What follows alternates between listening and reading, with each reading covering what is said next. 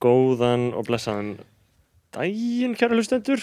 Við hilsum hérna skoðanabræður. Sælbæsöð, sælbæsöð verið þið velkomin í þennan frábæra þátt með Kolfinnu Nikolás dóttur. Leikstjóra og uh, verulega miklum king. Já, hún er með síningu í gangi núna eftir að hlusta á þetta á þetta réttum tíma uh, The Last Kvöldmátti í Tjarnabí og ég mæli með að fólk tjekki á henni En hlusta á við- þetta viðtal og ákveði síðan hvort þið við viljið fara. við lofum samt að kæfa ykkur ekki í þessu viðtali sko, eitthvað svona um sýninguna því Nei, nei, við, við bara, pöss, pössum okkur því, við tölum um margt. Ég veit hvernig það er að hlusta á eitthvað og maður hefur ekki séð dæmið og maður er eitthvað fucking hell, skilur Mhm. Sýningin er aukaðri en uh, ég mæli með, við mælum með að þið uh, farið á hana.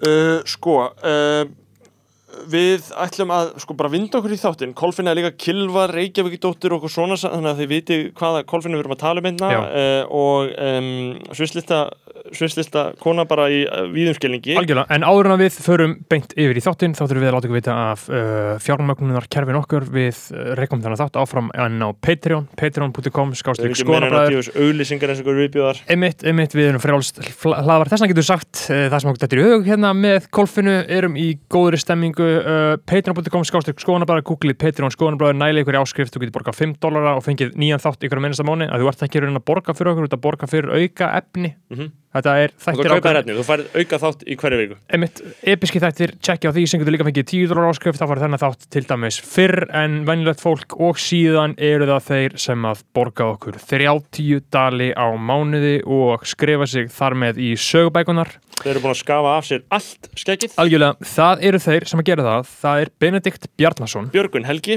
Björgvin Ívar Baldursson Brynjar Guðmundsson Erik Ólaf Eriksson Geoffrey Huntington Williams Halldór Clemens Hjartar. Hjörtur Páll Hjartar. Þessu bræður, Já, það væri mjög gott Það að vera komið skoðanabræður í skoðanabræður Já. leið Hálfdán Sveinsson. Tónlistarmaðurinn Dörp Sturla Snorrason. Nafnlaus Kvennmaður Tindur Kárasson, Áskumur Gunnarsson. Úlfur Árnason, og að endingu Ari Helgason, var það þannig? Já, Ari, Ari Helgason, einmitt. Uh, síðan er það uh, Jóhannes Haugur Jóhannesson sem að styrkir okkur um 31 dal og var þar á leiðandi styrkjakongur þessa þáttar. því að lulalalalum, styrkja kongurinn er Tandri Snær Tröstason, hann er kominn aftur. Uh, Tandri Snær Traustason komin aftur, það er miklu meiri kraftur. Hann styrkir okkur um 100 dali á mánuði Það mætti segja að Jóhannes Haugur hafi hrunið að heimslistanum. Já uh, og, þa- og þar með missir Jóhannes Haugur Jóhannesson leikari uh, sína stöðu sem styrkjóngur þessa þáttar. En því, sko, því, því miður fyrir þá hey, Jóhannes Haugur er flottu gaur og allt það, Já, sko, hann er bara ekki lengur einmitt, en uh, sá sem er kongurinn, eini sanni það er Tandri Snær Borgar okkur 100 dali á mánuði, þannig að það verður aðtillisvægt að sjá hvað Jóhannes Haugur gerir Já. sem núna styrkir okkur um 31 dólar á mánuði, var á sínum tíma í 100 þegar hann var ennþá í virkri baráttu við Tandra, Já, já. er Jóhannes Haugur komin aftur niður listan, ætlaði að spara sér skildingin, en fekk það í andlitið. Uh, Tandri Snær Traustason er snúin aftur, komin aftur með alla í kringu sig, indislegu maður styrkjakongur, skoðanabræða er búin að vera með okkur frá fyrsta degi í sína joint date, hann byrjaði í, Patreon 12. mæ 2020 þegar við byrjuðum inn á Patreon. Þannig að Tandri, þú ert kongurinn og styrkja kongurinn en við ætlum ekki að hafa þetta uh, mikið lengra uh, kæru lusendur, uh, núna ætlum við að vinda okkur í skoðanir, Kolfinu Nikolásdóttur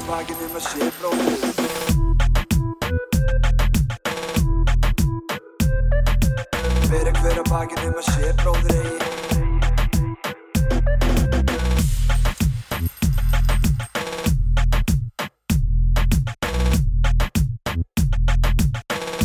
Ég er búinn að íta á rekk á upptökutækinu, mér finnst gott að vera komin aftur eins og, eins og sé langt sen ég kom uh, hingað að taka upp, ég veit ekki hvað það er en það er örugglega ekki þannig, velkomin Kolfinna Nikolásdóttir Kæra þakkir.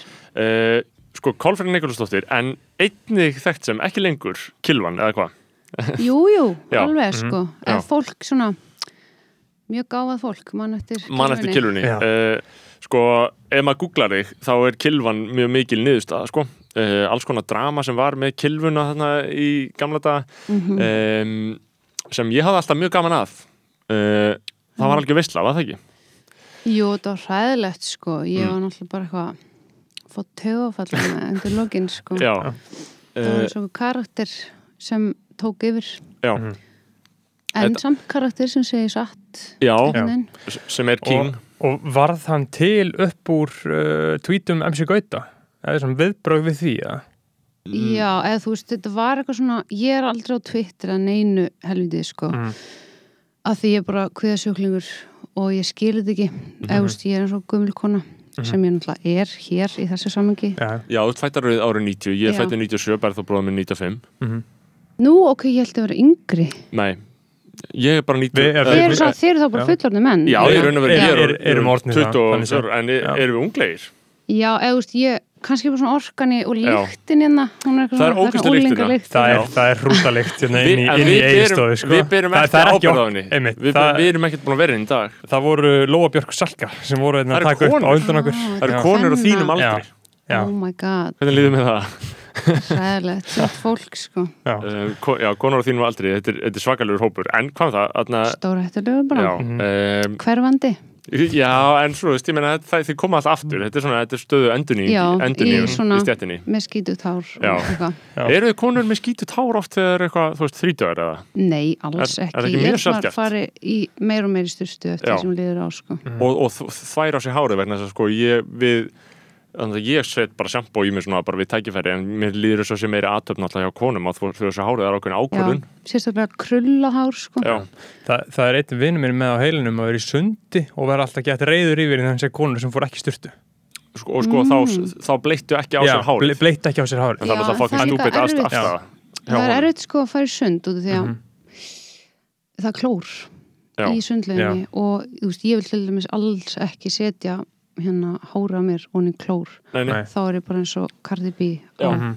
vandum degi Já, á vandudegi þarna algjörlega, uh, við vorum að ræða eitthvað að við viti Já, kilvuna Kilvina, já, Ki- Sko, Þetta er já, alltaf góð já, já. hljóðbreyting líka Kolfinna Kilvan, kemur það ekki þaðan? elska- Nei, kilvingur Já, Já. mm, var ég skýrð já, hérna af tyrfingi já tyrfingsinni mm. og það var svona grín kilvingur og tyrfingur og svo Mm. kemur eitthvað svona, já, kilvan betið þetta sem kilvan og Mhm. þetta var bara in the moment, sko, það ringdi hérna, hvað heitir hann aftur sem er núna frétta, íþróttafréttamaður hérna, Kjartan Alli Kjartan Kjartansson Atli, já, já. greimaðurinn, ég er algjör pest en hérna Hann var mjög góður þegar hann var á gólfinu en þá vísi bara að gera news hann var news fullkomin maður Mhm. sko þar Já. og Mhm. hérna hann ringdi eitthvað svona, ég satt og gráði kettunum með hérna, tveimur óvirkum ölkum og þeir voru bara eitthvað í hlátuskast yfir þessu, að því ég var eitthvað fó bara strax í karakter. Af því hann, yfir, hann, yfir þá hverju nákvæmlega? Yfir, hann spurði, hefur eitthvað að segja um þetta? Og ég vissi Mhm. ekkert. Nei, ég vissi ekkert, ég þurfti að spyrja hann hvað það tala um? Já.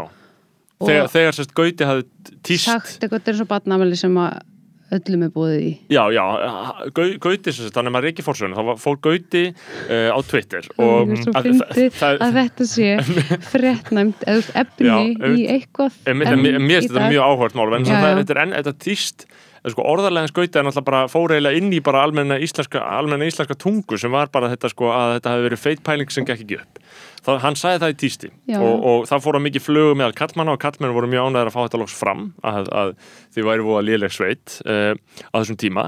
Uh, Mm, já, samt kallmenn, ég veit ekki með það. Þú veist, það voru börn. Já, aðalega börn, já, börn. Mhm. og hérna svona já, vantaði einhver punkar hana Já, allavega, vantaði- já, til vantaði þess að vera hægt, að segja hérna kallmenn Karlmenn, já, einmitt. En uh, allavega, já, allavega týsti þessu Gauti og sagði sko að, að vond tónlist væri vond tónlist. Og e, sem er náttúrulega þýðir ekki neitt per se, þetta er bara fullering sem hún segir í þessu samhengi og þá þýðir náttúrulega að Reykjavík dættur gerir vond tónlist, átti hann við. Og, og þetta fór öfut ofan í einhverja en það sem held ég kjartan allir gerir sko, að því ég var eitthvað að googla þetta á hann, þá held ég að hann taki viðtölu Gauta eftir þetta týst, að því það var svo umdelt og Gauti segir þar að þið hafi verið e, eins og badnaamali, það sem allir fá að vera með. Já, já, og svo sko er hann líklega bara frétt á þetta daginn eftir og ákveður þá að heyri þér til þess að viðbröð þín við því að Gauti hafi sagt þetta við já, um ykkur, já er það ekki? máli var að þær voru búin að tala saman þú veist, hérna, restina hljómsveitinni og ákveða, við viljum ekki segja neitt Mhm, þú veist, bara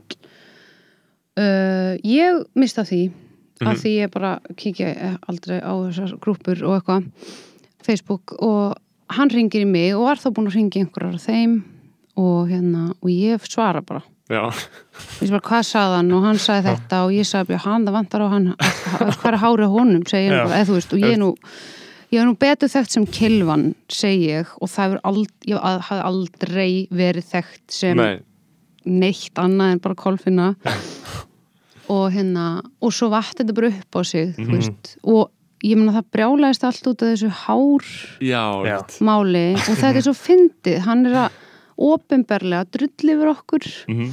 bara fólk sem er að gera tilraunir og Mhm. gefa út músík og skapa eitthvað og hefur eiginlega ekki, við höfum ekki hugmyndum að það væri svona bannað að gera Mhm. lélegt eða vera ekki fullkomin sko Mhm. uh, fyrir en við vorum ófullkomnar og þá fengum við svoleiðis að kenna á því sko Mhm. Já, en hérna, hann er að gera það drull yfir það sem við erum eitthvað vulnerable að skapa Mhm.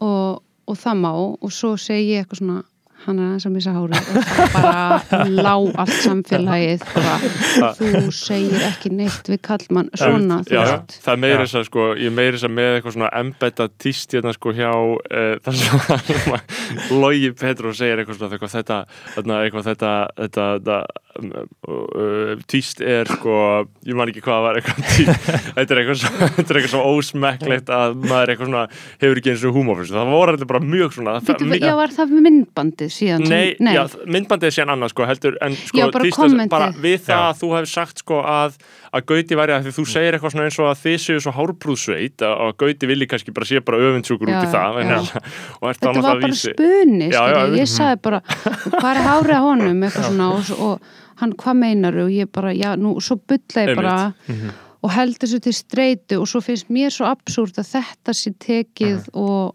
þetta fær fólk þetta Já, fær Já. actually Íslandingin til að bregðast Já. við. Mm, það er að gaggrinn eitthvað svona og hérna, og Já. á þessum tíma ég kannaðist við Gauta við vorum bara félagar heilsumst ekkert og þegar þetta var í gangi þá var það heldur ekki issue, þú veist, þetta Nei. var um eitthvað ann, þetta varð Mm. um eitthvað aðeins starra heldur um bara eitthvað okkur tvö persónlega skiljiði Mhm. mig einmitt En Um, svo- hva, um hvað ætla þetta snúist á? Hver, hver eru, eru stóru línunar í þessu myndi maður gíska á? Kannski bara að einhvern svona svona gaggrinni eða einhver högstaður sem að er á konum þú veist og burt séð frá í rauninni einhverjum gæðum út í þú veist fegur það skinn er bara ólíkt hjá kynnslóðum og hópum og bla. En, en svona já, aðgengi að það er svona auðvöldar aðgengi að því að gaggrina uh, hvern fólk Já, og, en, en kannski kallmenn Já, veist, og kannski lík, líkamlegt svona, það Já. má alltaf segja eitthvað um líkama og klæðnað hvenna einmitt. En Ég þetta veit þótti, það ekki. þetta þótti neðanbelti sko að fara í skallan sko. Já, og það voru alveg sagt sko bara, hvað ef einhver sköllótt stelpa vill koma í eða sem hefur Já. mist hárið eða vex ekki hár vill koma er hún þá bönnu og ég var bara ég, alveg, mér leiði svo mikið. mér leiði svo mikið yfir þessu að ég er að fara að drepa mig. Já. og svo kem ég hana í og ég er náttúrulega fe- espist bara upp Já, já. þú veist, þegar Það ég er eitthvað svona. ég er rosa gaman. Ég er eitthvað nú nú og hérna fer Máni ringir og, og spyr hérna hvort ég vilja kynna eitthvað lag Mm. ársins eða eitthvað hérna poplag ársins á Mhm. hvað heitir þessi velun FM eitthvað, já. Og þetta er Máni í Harm, Harmageddon Máni Pétur já, já, já, já, já. Og ég bara, jú, jú, ég skal gera það. Og með gauta, þú veist Já, hérna, ok. kynna og eitthvað svona. Og ég kem hann og er í einhverjum ham blá edru, en þú veist náttúrulega eins og ég sé bara út úr Mhm. hérna, Já, dópuð. Nei, bara eitthvað, já, hæ, hæ. Og Mhm. hérna og, ég, seg- og hann segi allar nokkuð að púla eitthvað? Ég eitthvað, nei, nei, alls ekki eitthvað svona. Svo segi ég bara eitthvað, tek mikrofónin og er bara eitthvað ótrúlegur heiður að fá að vera kynir hérna á þessu rape festi hérna, eðslu draumur og sko svipurinn, þú veist, allir bara, og var bara síðan fokkandi hana og Máni hann sagði við mig eftir og bara, herðu, sko þetta var ómikið sko.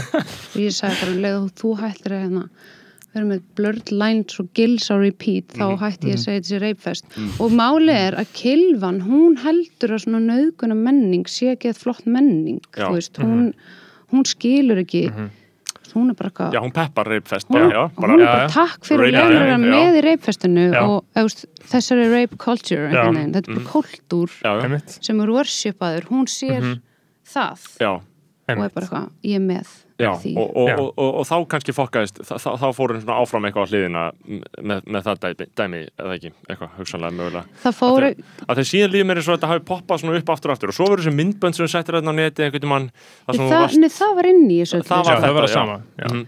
Já, það var sko ég held bara, var í einhverjum eins og ég segi, ham og se- setja hann eitthvað lélega drapp Mhm. og allir eitthvað ymmit, þeir eru svo lélega Já, og ég var bara mér varst þetta mjög gaman sko. Mhm.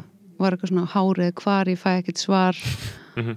þetta er alvöru rapp, ekkert kakalaka stapp eitthvað svona. Mhm.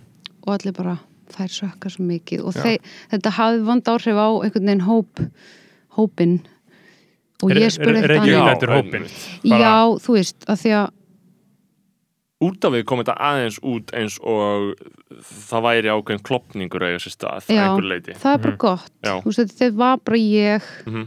að grínast Mhm. svolítið mikið Já. og spurði ekki neitt Mhm. að neinu og þarna er kannski einhver, eitthvað svona Mhm. byrjað að pæli bara ímynd, við erum heil hljómsveit, eitthvað svona Akkurat, Já. frekar heldur en einhver svona reglífarhattur yfir eitthvað já, og ég er náttúrulega alls ekkert með þetta um neitt annað en bara sjálfa mig Mm. alltaf og hérna og er eitthvað sorry og end, að endingu þá auðvitað endum á því að ég gátt annar vídeo sem kilvan og er í fíl út í þær og var kilvan þá rekin og varstu þá reikin úr, úr hættur í Reykjavík þetta þarna, eða þú ert, Nei, ekki aftur inn í það þarna. væntanlega, Já. ekki?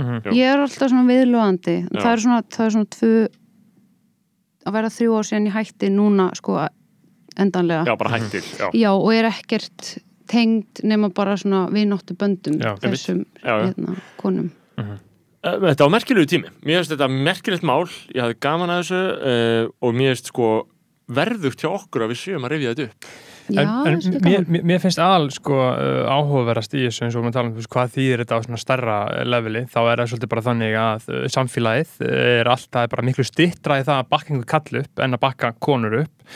Og það er Mm, stittra í það að svífira konur en að svífira kallana svona al, almennt. Mm, uh, þetta var fyrir sex árum, þetta var 2015 mm uh, hefur eitthvað breyst?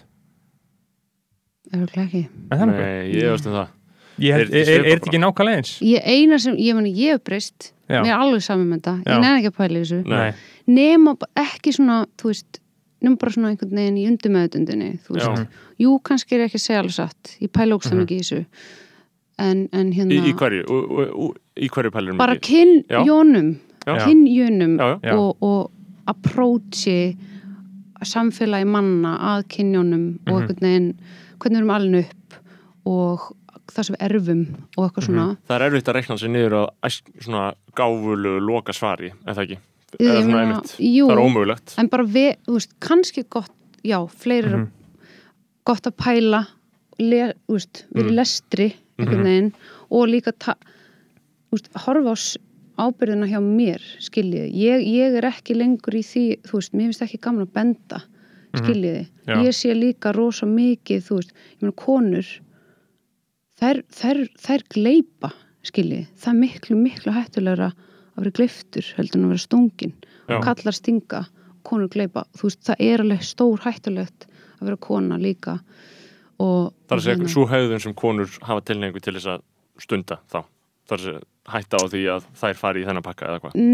Ég er ekki að tala um kannski beint í hegðunar hérna, í hegðun. Nei. heldur bara svona í, þú veist, í einhver svona og bara sér kall.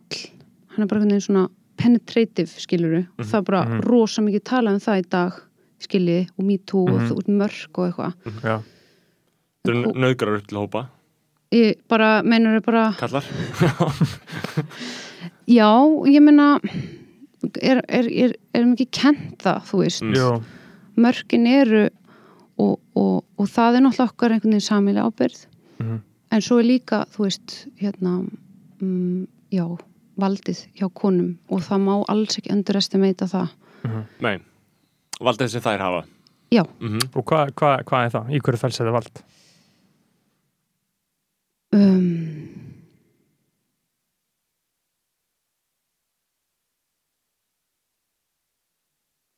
það er til dæmis eins og bara um, vá.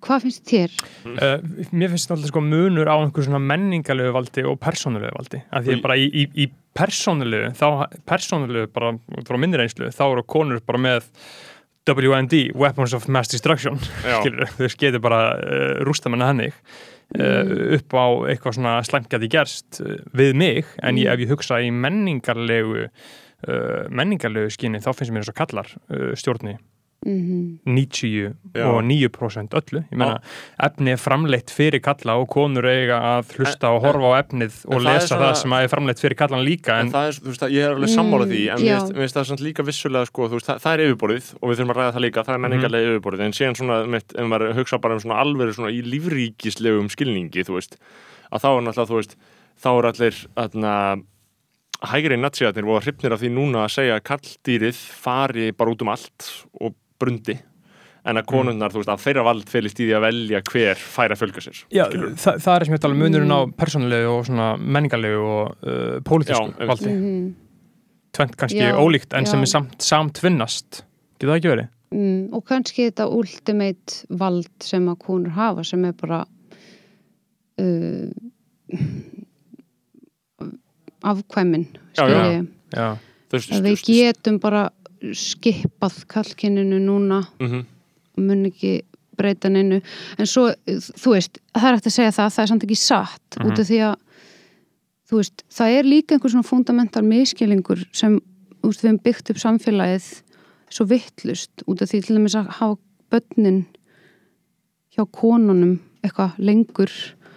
Þetta er bara vittleysa þú veist, maður er bara undir svo miklu álægi hormóna ójafbæði, þú veist þau þurfa stabilt ég er að segja ykkur það, sko þú veist, ég sé þetta, eigandi tvö börn Mhm. út af hverju verið að setja börnin hjá konunum, í alveg talað, sko Já, þú veist, maður er, ég er geðveik, sko Já. ég ætti að fara bara á eitthvað svona retreat heimspekilegt retreat þar sem Mhm. ég væri og það væri svona prosperous fyrir samfélagið Já. þú veist, af því að maður er líka með einhvern annan svona wisdom í gangi þú veist, Mhm. maður hættir að sjá það sem skiptir veist, svona smáatriðin þú veist, brjóstaþoka skilji Mhm. Já, brjóstaþoka, hún er, það, er- það er dæmi það er alveg dæmi er sko. það er bara svona eila aðtilsbrestur eða þú veist, maður er bara eitthvað heyrir ekki neitt þegar maður er að gefa brjóst það er- þegar maður er með ný, Ok. okay. til til að nýfætt barn já Mm.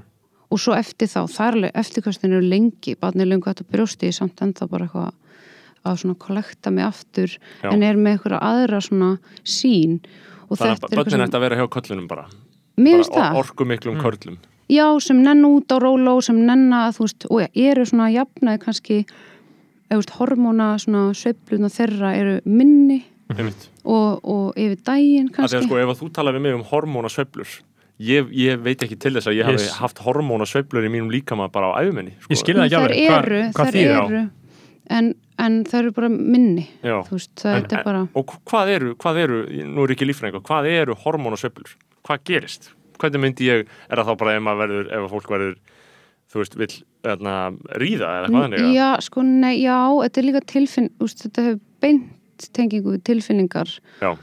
hann að maður verður svona óstabill í tilfinningum og þú veist, þetta er kringum tíðarhingin, Mm. en þú veist, kallar hafa tíðarhing Já. en er, það er bara svona inn, þú veist, eitthvað svona ringrás í punktnum og er bara eitthvað sólaring Já, sólaringurinn já. eða eitthvað. Og er miklu svona, er allt öðru sig og miklu minna. Minni er svona minni, já, öfgar en, en, en hérna, svo er þetta og ég meina, við erum að fara svo ó, vá, hvað við erum að fara eitthvað djúpt og mikið og langt en, já, sko, það er það sem við gerum. Þetta er bara nákvæmlega, já, Já. já. ég er náttúrulega ég, ég veit ekki ná, úst, mikið eitthvað svona um hormóna og hvað Nei. þeir nákvæmlega eru Nei, nei, sko. Nei, en þú veist, við, þú- við, þurfum ekki að veita það En við viljum Nei. ekki vísindarlega skýringu en bara Nei. hvað áhrif þau hafa. Þú veist, þau breyta virkilega til mér bara hvernig þér líður, er það ekki? Já. Já. og það er til alveg eitthvað sem heitir þú veist, PMS sem er svona premenstrual Mhm. stress disorder eða eitthvað s- svona Mhm. ég veit ekki skamstöðuna, svona fyrir tíða spenna Mhm.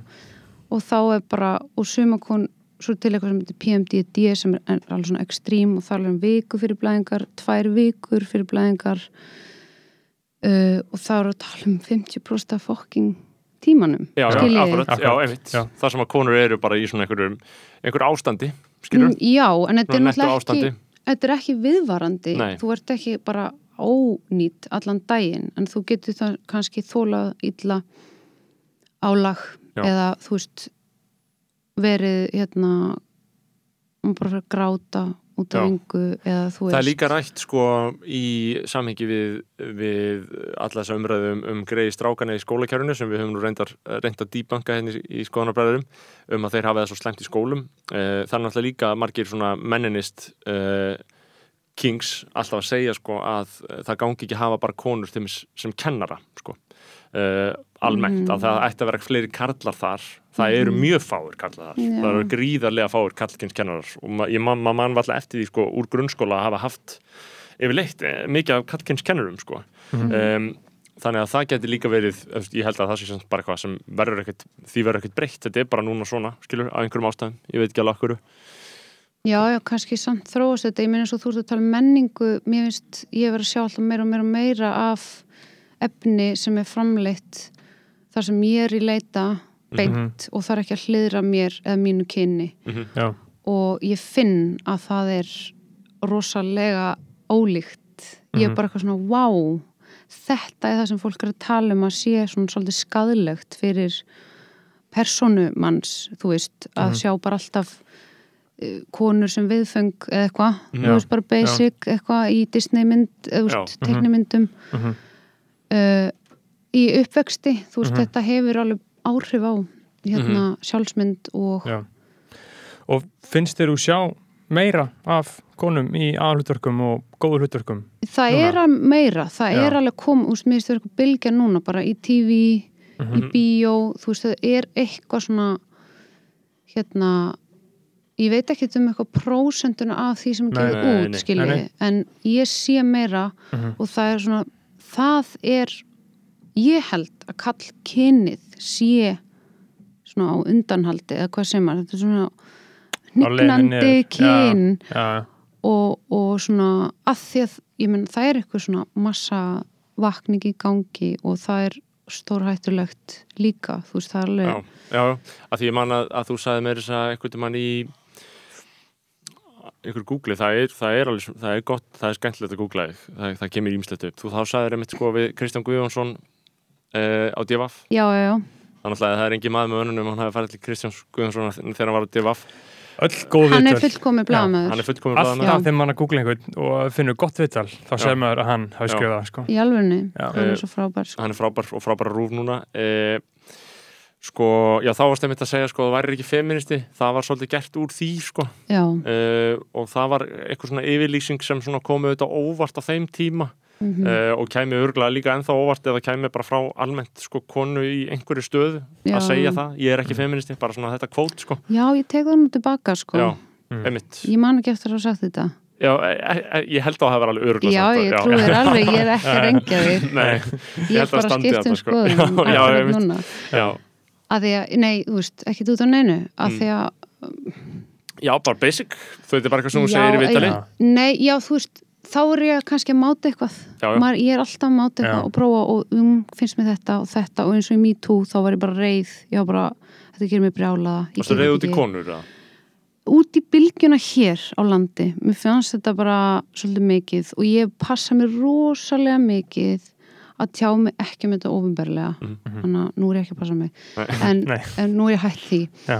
Nei, en, og, en svo alltaf eiginlega yðurlega að endingu nenni ég ekki að pæla lengur í, þú veist, þessu, einhverju tilteknu og bara fæl, já, ég fæ bara leið og þá gleymi ég afstöðunni minni og einhvern veginn, Já, tek já. bara næsta og næsta og eins og þetta með að vera, veist, eitthvað að lýsa því yfir, ég sé ekki feministi um, það var eitthvað þá og ég get, mm -hmm. gæti örgulega raugrætt sjálf á mig Já. þann, Já. þú veist, Kolfinn þennan dag Já, og hún myndi þannfæra mig Þetta er bara eitthvað kvót en ég, en en núna er ég bara eitthvað, þú veist, einhver myndi spyrja mig eftir feministíma sem, já, sjálfsögðu tölum um eitthvað já. annað eða Já, þú já, veist, Næsta mál næsta svolítið sko mál Einmitt. já, um, mér finnst þetta í góða lagi að vera bara með einhver svona pælingar í gangi og síðan missir áhugan á þeim og fer bara eitthvað í það næsta, sko. Þú veist, þetta ég- er ekki eitt það er ekki, maður er aldrei að komast endilega að niðurstöðu sko. Nei. að það er ekkert eitt rétt eða eitt ránt eða eitt svart eða eitt hvitt. Nei, alls ekki og það er kannski það sem fyrir töðnar á mér með MeToo þó svo Mhm. mikilvægið að, að að það sé Mhm. uh, risið upp og tala þá er samt ef, innan í Mhm. me too og, og þetta er bara oft veist, eitthvað sem ég finn og, Mhm. ég, og það er í samfélaginu ekki áreiðanlegt skiljiði Nei, eitthvað. nei, mitt þú Já, fær rauk fyrir að- þessu, ég finn eitthvað. bara Já. að ef, Já, ég finn á mér. já, ég finn á mér Já. Já, Að mér finnst að er- fólk er rétt á orð nota þetta ágæta orðalag. Já, ég ég er hrifin að því og, og hérna, mér langar innlega það. Er, ég held að það væri mjög hlutverk listamanna til dæmis að nota þetta orðalag. Skilur, þú ert ekkert að þykist að vera vísindamaður.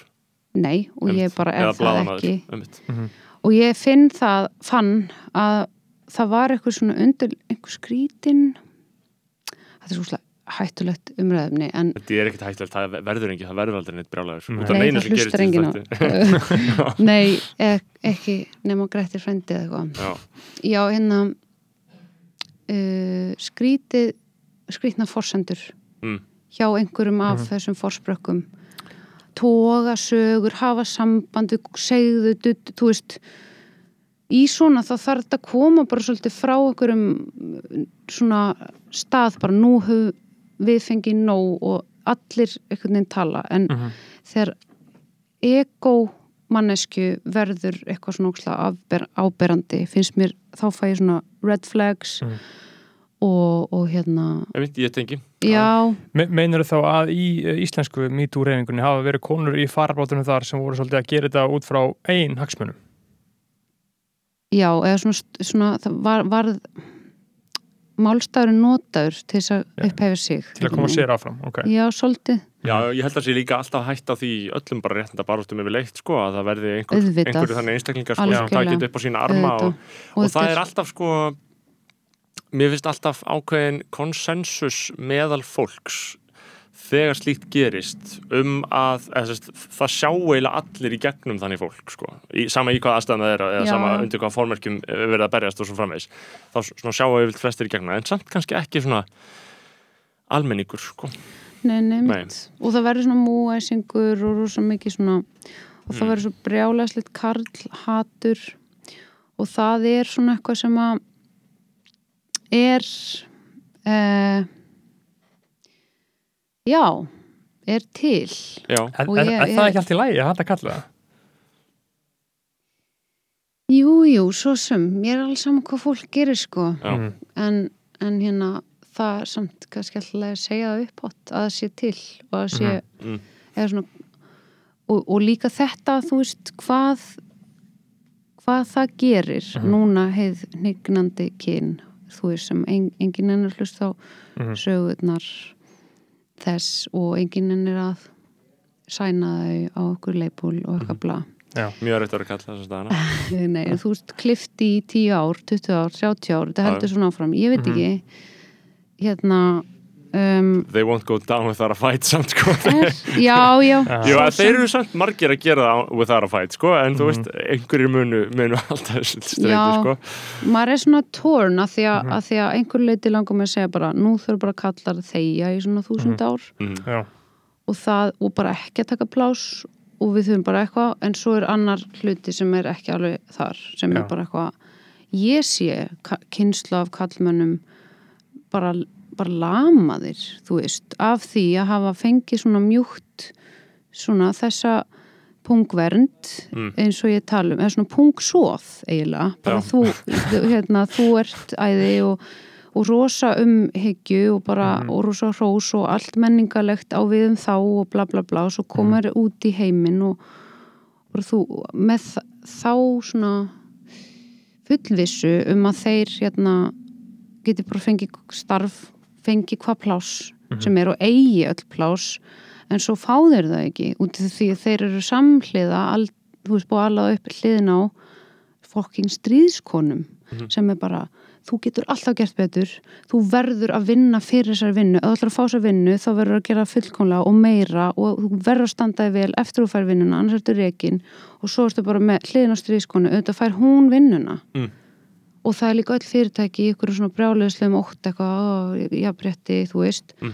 hann að konur taka öll störf og svo bara liður og býður og þú veist, við erum bara með lamað kyn Akkurat. og stríðskonur eða skilur Já. við þau bara Já, já, þa þa þetta er aðna góð, góð framtíðasín og sko einhver, einhver leiti kannski sín sem hefur þegar ræst að, að karlandi verði svona, of, eða svona ekki, ekki of mjúkir en mjúkir og konundar þeim mun sko svona harðgerari, bara samkvæmt þeim uppeldi stöðlum sem við erum með núna og að þá verði farið hallendan fæti á köllum. Ég samt sé það ekki gerast, ég sé ekki, ég sé það ekki gerast að Nei. hallir stærst- fæti hjá köllum sko. Nei, nei, það er maður kannski ekki að sjá Nei, af því að það, það, það er mjög gott að vera kall sko. Mhm. það er mjög, það, mjög fínt sko. mjög Já. þægilegt það er, en þú veist, það eru, þetta eru jarðsprengjusvæði sko, en samt skilur þú veist er raun og verið ekki jarðsprengjusvæði myndi ég segja, að vera kall Nei. bara þægilegt sko.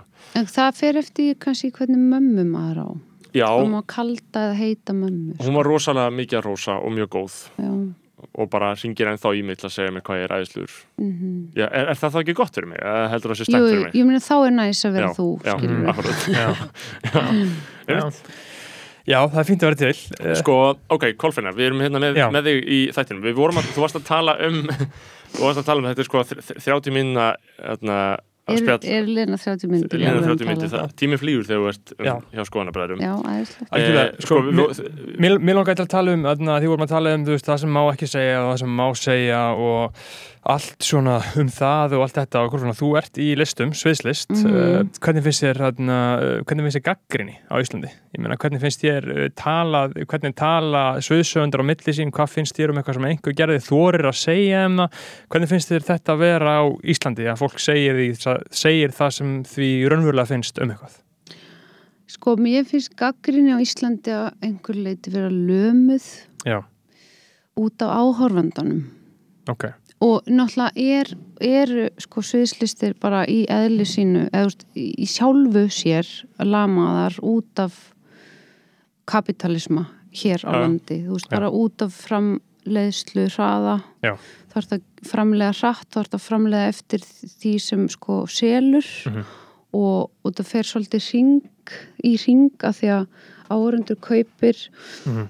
áhörundur kaupa það sem er svona garantít að sé næs kvöldstund að því miðin kostar það mikið og þú framleiðir bara það sem er svona garantít að einhver kaupir skiljiði, þannig að já. þetta er allt svolítið dögt öll sköpun er hugsuð ég verð að gera þetta þannig að þetta seljist Já, Já. og, og jaðarsenan hugsa líka inn að miðju sem er Mhm. gallað, sem er Já. mein gallað og, og þá í sjálfu sér er jaðarsenan bara fallin um sig sjálfa ef, hún þrýst ekki á einn forsendum Já, að því hún á að vera að íta okkur út. Já. hún á að vera að höggva út, út, út og horfa út.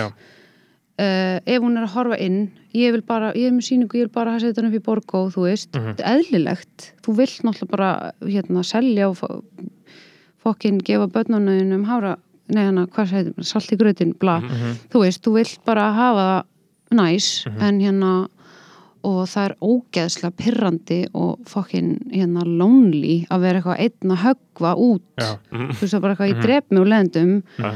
eða þú veist, maður verður bara geðugur og hérna en já, en þá er jáðarinn líka döður sem Mhm. á að vera það sem er undan já, já. basically auðlýsingabransanum eða þannig Þú, þú, þú varst með, þarna, þú varst með um, síningu nýverið og varst að fremsýna uh, The Last Kvöldmáltíð sem við fórum á um helgina já, Já. auðlýslegt Mhm. gríðarlega ánægilegt Já, mér, Eh, mér fann, mér, þetta var uh, ég hef farið á kannski 20 leiksýningar Mm. 25 þetta var, þetta, var uh, svo besta sem ég hef farið á. Vá, frábært, auðlýslegt þetta var í fyrsta sinn sem ég uh, fer í leikhús og það sem að ég er bara spennti fyrir hvað fólk er að fara að segja.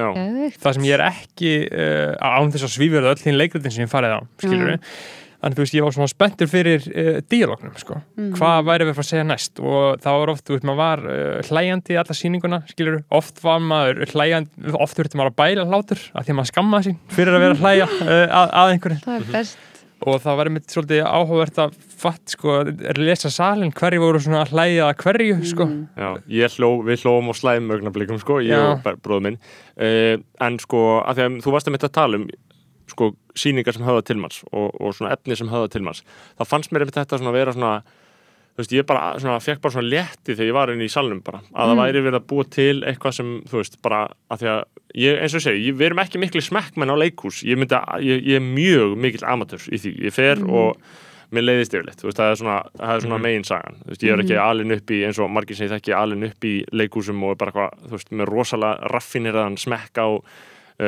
umsum svona dóti. Um, en þannig að ég er, ég er ekki autoritet í leikhúsi Já. en ég dýrkaði þetta svo mikið. Uh, að því að ég held að það sem hafi gert útslæði fyrir mig var ísl, íslenskan þú veist, íslenskan og enskan. Mm.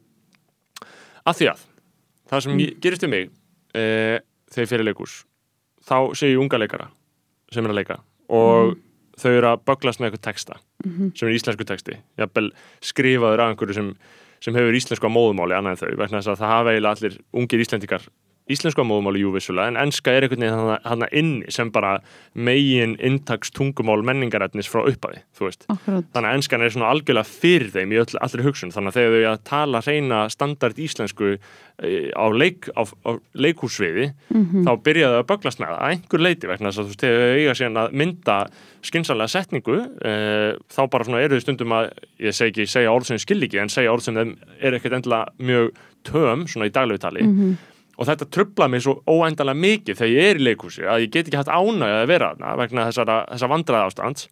En þarna, af því að þitt leikrit er bæði á íslensku og ensku þú veist, við erum með setningar eins og sem ég tók upp á gaggrinni eh, sem eru, þú veist, aðna, why are you spending so much time on stupid stuff like your games when við gætum verið að, I don't know, maybe bjarga mannkininu, þú veist, þetta tók ég reyndar upp í gaggrinum okkrænum sem var nú ekki sérstæðlega hagfæld en bara alltaf að fá eitthvað dæmi um, veist, um þessa blöndu sem ég fíla eh, og uh, þetta er náttúrulega ákveðin einræða sem ég er búin að halda hérna og ég er ekki að fara neitt, þetta er ekki spurning en ég bara fíla svo mikið að blanda íslensku og ennsku saman.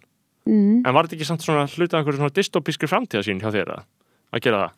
Jú, jú, þú veist ég meina, ég held, þetta er ekki dystopiskt Nei, að því ég meina, þetta er bara framtíðasín þetta er hérna, Nú, nú, nútíða Já, sem einmitt. Sko, ég fattaði ekki fyrir en eftir ég var að byrja að skrifa þetta sem var fyrir sex árum að ég átti síðan samtal við sýstu mína og það var alveg eins að hún væri Já. karakter í verkinu Já. veist, þetta er ekkert og ég talaði svona á tímabili Já. ég, bara því að mér fannst það svo fyndið sko. og hérna að en þú, það er ekki það er ekki gaggjert hérna eitthvað svona þetta er ekki vísvitandi ég held að átpúti mitt sé koncentreruð koncentrerar að, aðstæður fólks og þar get ég varpa ljósi á hegðun og mynstur og mannlega einhvern veginn svona uh, bara svona bresti eslas bara veru skiljiði Mhm. uh, hérna og, og bara ást og hatur og allt, eða þú veist, einhvern veginn Mhm. eitthvað ástand Mhm. og, þa- og, og ofbeldi og, og, og vald og getu og vangetu og eitthvað svona sem ég er að skoða Mhm. bæði með kynin og, og samfélagslega struktúr og Mm. menningu og eitthvað svona en, en hérna þessi, þessi heimsendir er ekki beint samtal um við okkur mannin í nútímanum að við þurfum að passa okkur að hætta að kera bíla. Eða skiljið, það er ekki, er ekki það tikkar mig ekki. Ég er ekki Greta Thunberg Ísland skiljið, þetta Nei. er ekki mín.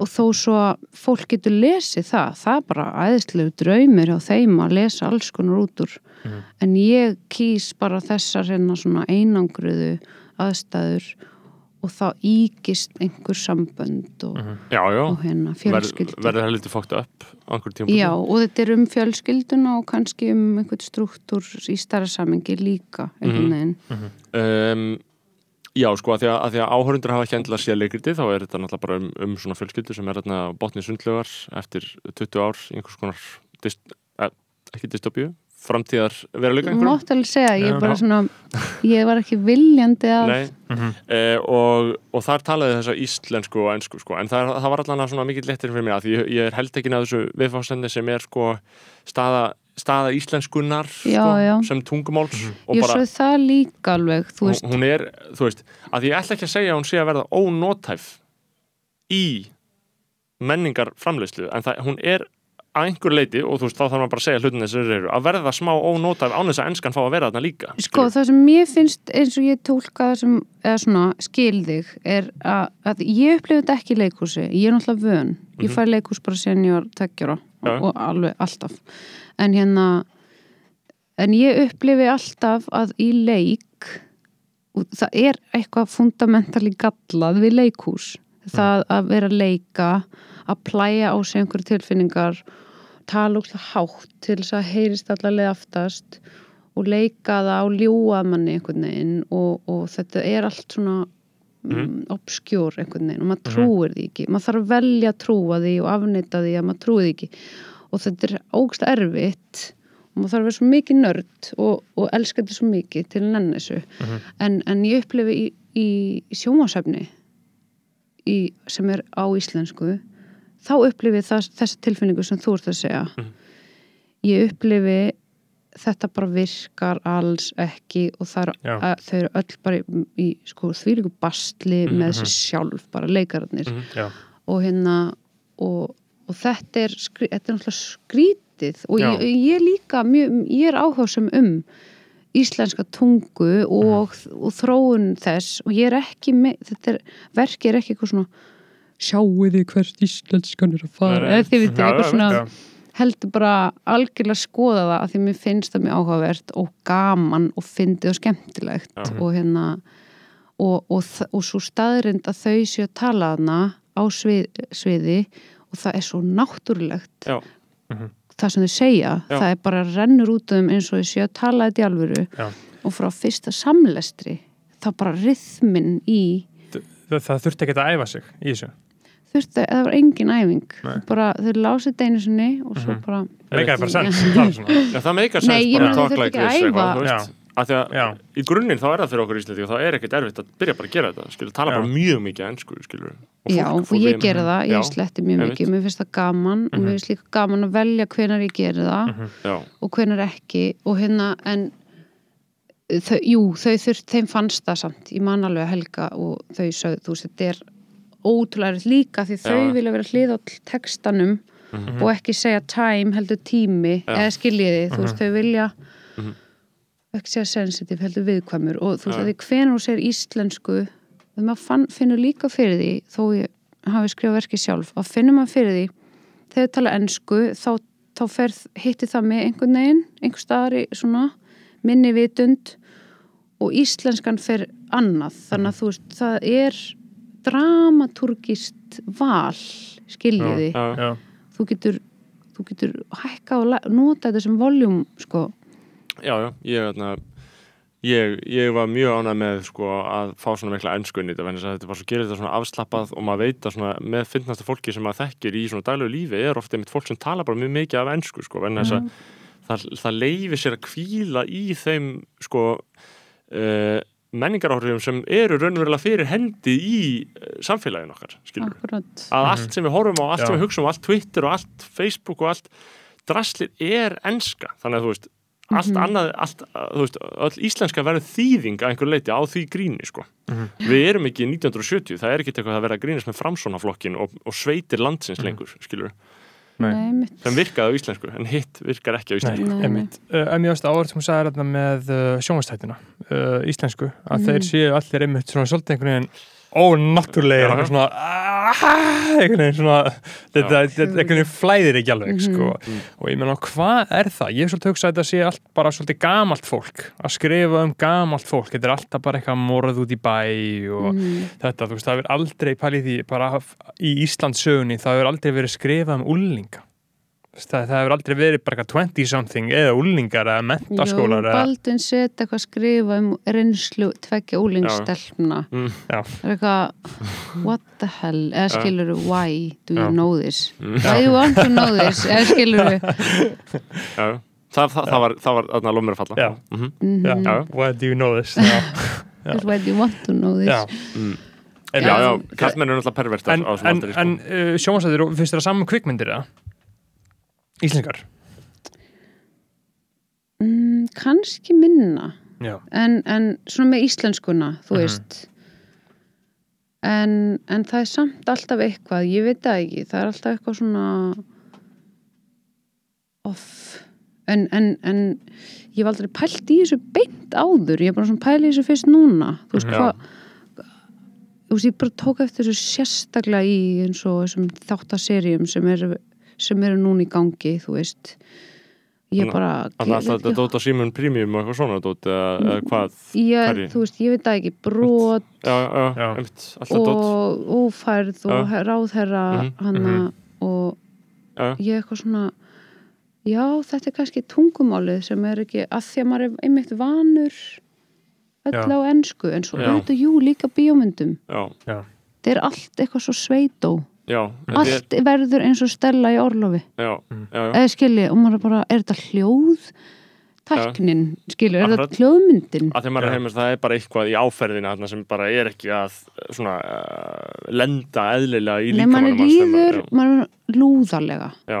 líður bara svo lúða. Já, mér finnst það svo óþæltur að klína á mig þærri tilfinningum bara heima hjá mér, ég bara nenni ekki að lúði Já. þetta Já. bara lúði það er fæðileg, ógæslega tilfinning, þetta er virkilega skammar Já. tilfinning sko. og, og það er svo erfitt uh, að greina hvað er eins og var að horfa á uh, borgarstjóran uh, eftir Jón Gnar Mhm. núna um daginn, hafið séð það nýlega uh, nei, ég sá bara einhver nokkar er fyrir aftur? það var seri á stöð 2 sem hann skrifaði uh, og gerði eftir hann var eftir hann klára að vera borgarstjóri sem er náttúrulega mjög fyndið að gera að vera grínisti og skrifa og verða bókstala borgarstjóri Mm. og gera síðan serju um að vera borgarstjóri Já. og leiki í henni og skrifa hana uh, þá, var, þá fann ég með þetta að Með þetta, tungumálið? já, þetta er bara einhvern veginn ég, ég, fór bara að spyrja akkur að Já. hvað hva, hva, hva, hva er hérna skilur, þetta er einhvern veginn maður klikkar ég, ekki. ég, ég, þetta, ég, úst, þetta mjög ekki heldur að associate, associata sig við.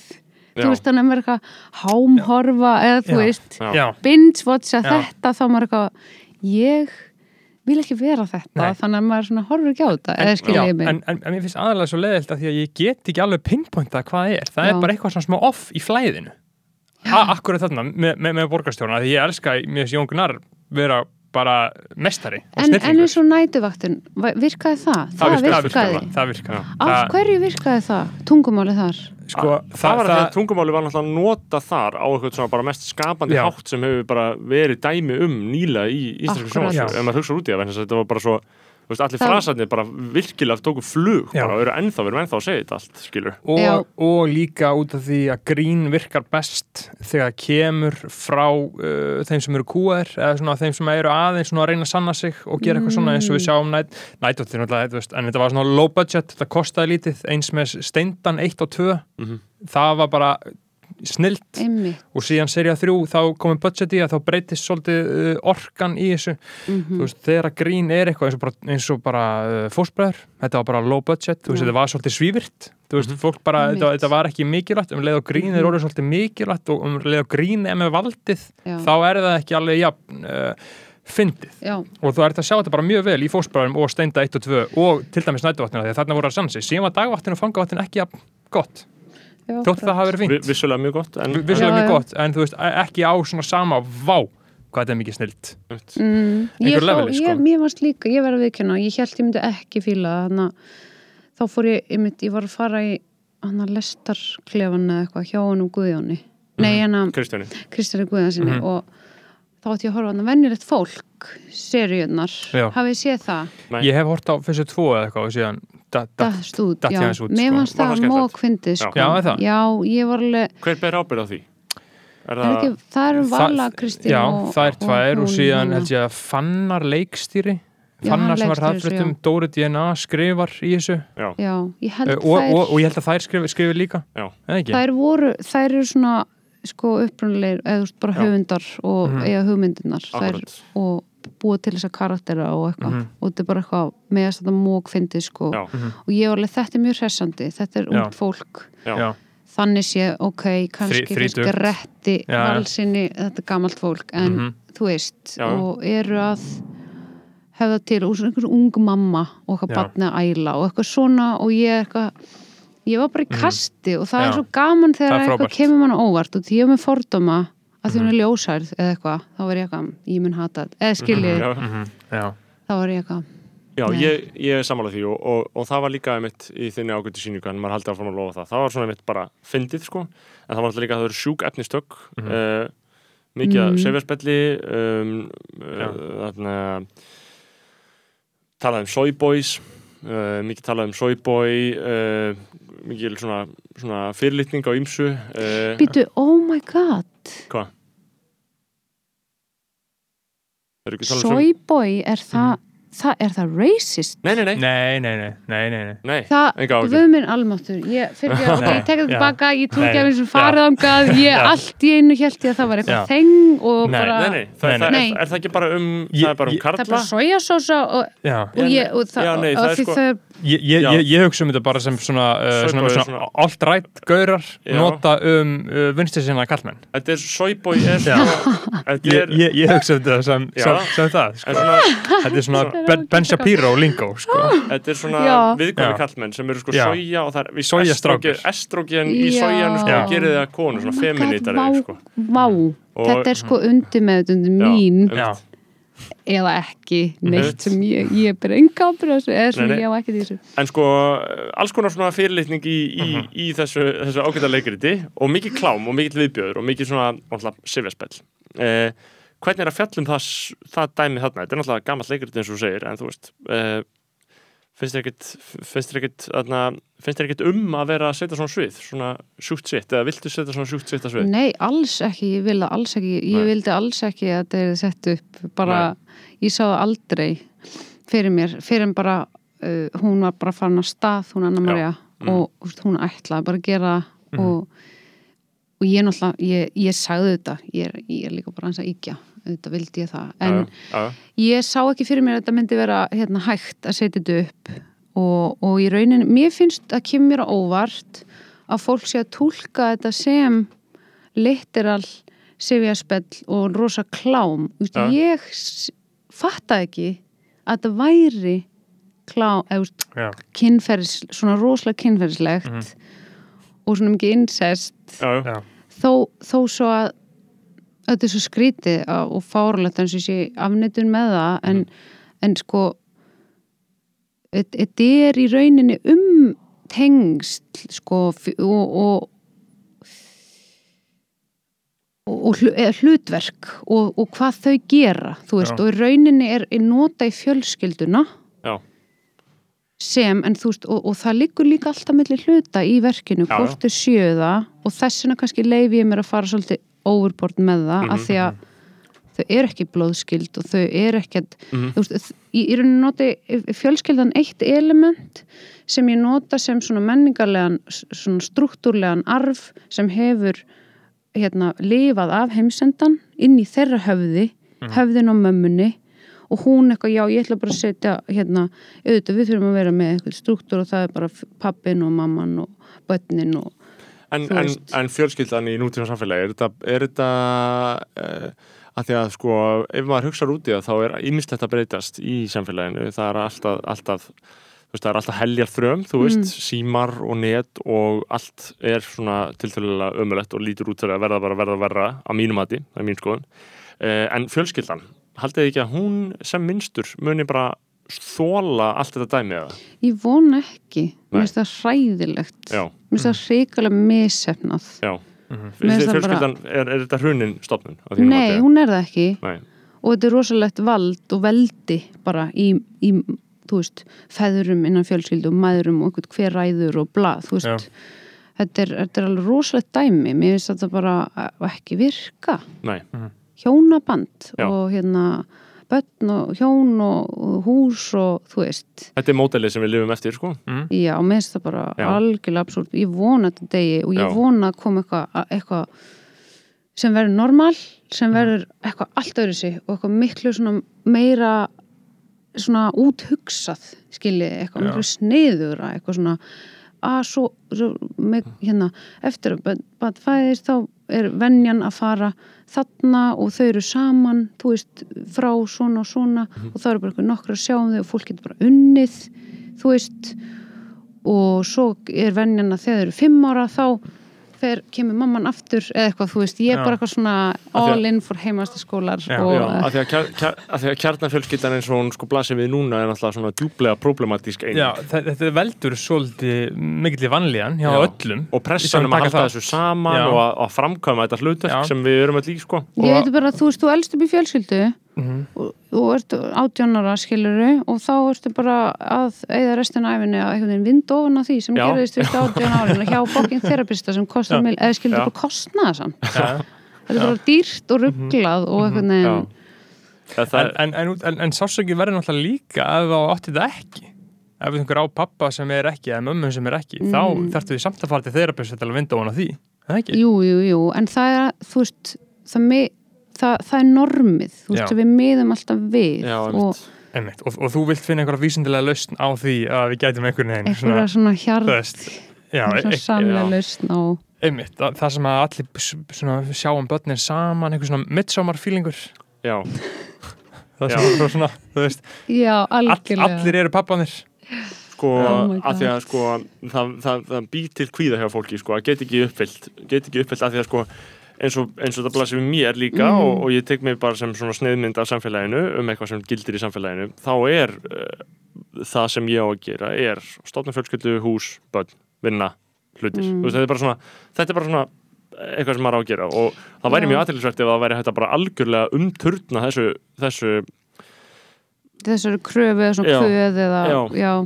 líka, en ég veit ekki hvaða leið þú ætlar að fara að því samt að, að, að, að brjóta stofnunina sko Nei, þetta er bara brotnar sjálft að ég Já. er að gera það allir að skilja og allir að halda framjá og allir, úst, þetta, mo, hvað heitir Já, monogumus dæmi einkvænis fyrirkomulagi Já, Mhm. það en svo náttúrulega er ég í mótsögnu sjálf mig út af því, ég elska að eiga góðan einmann Já.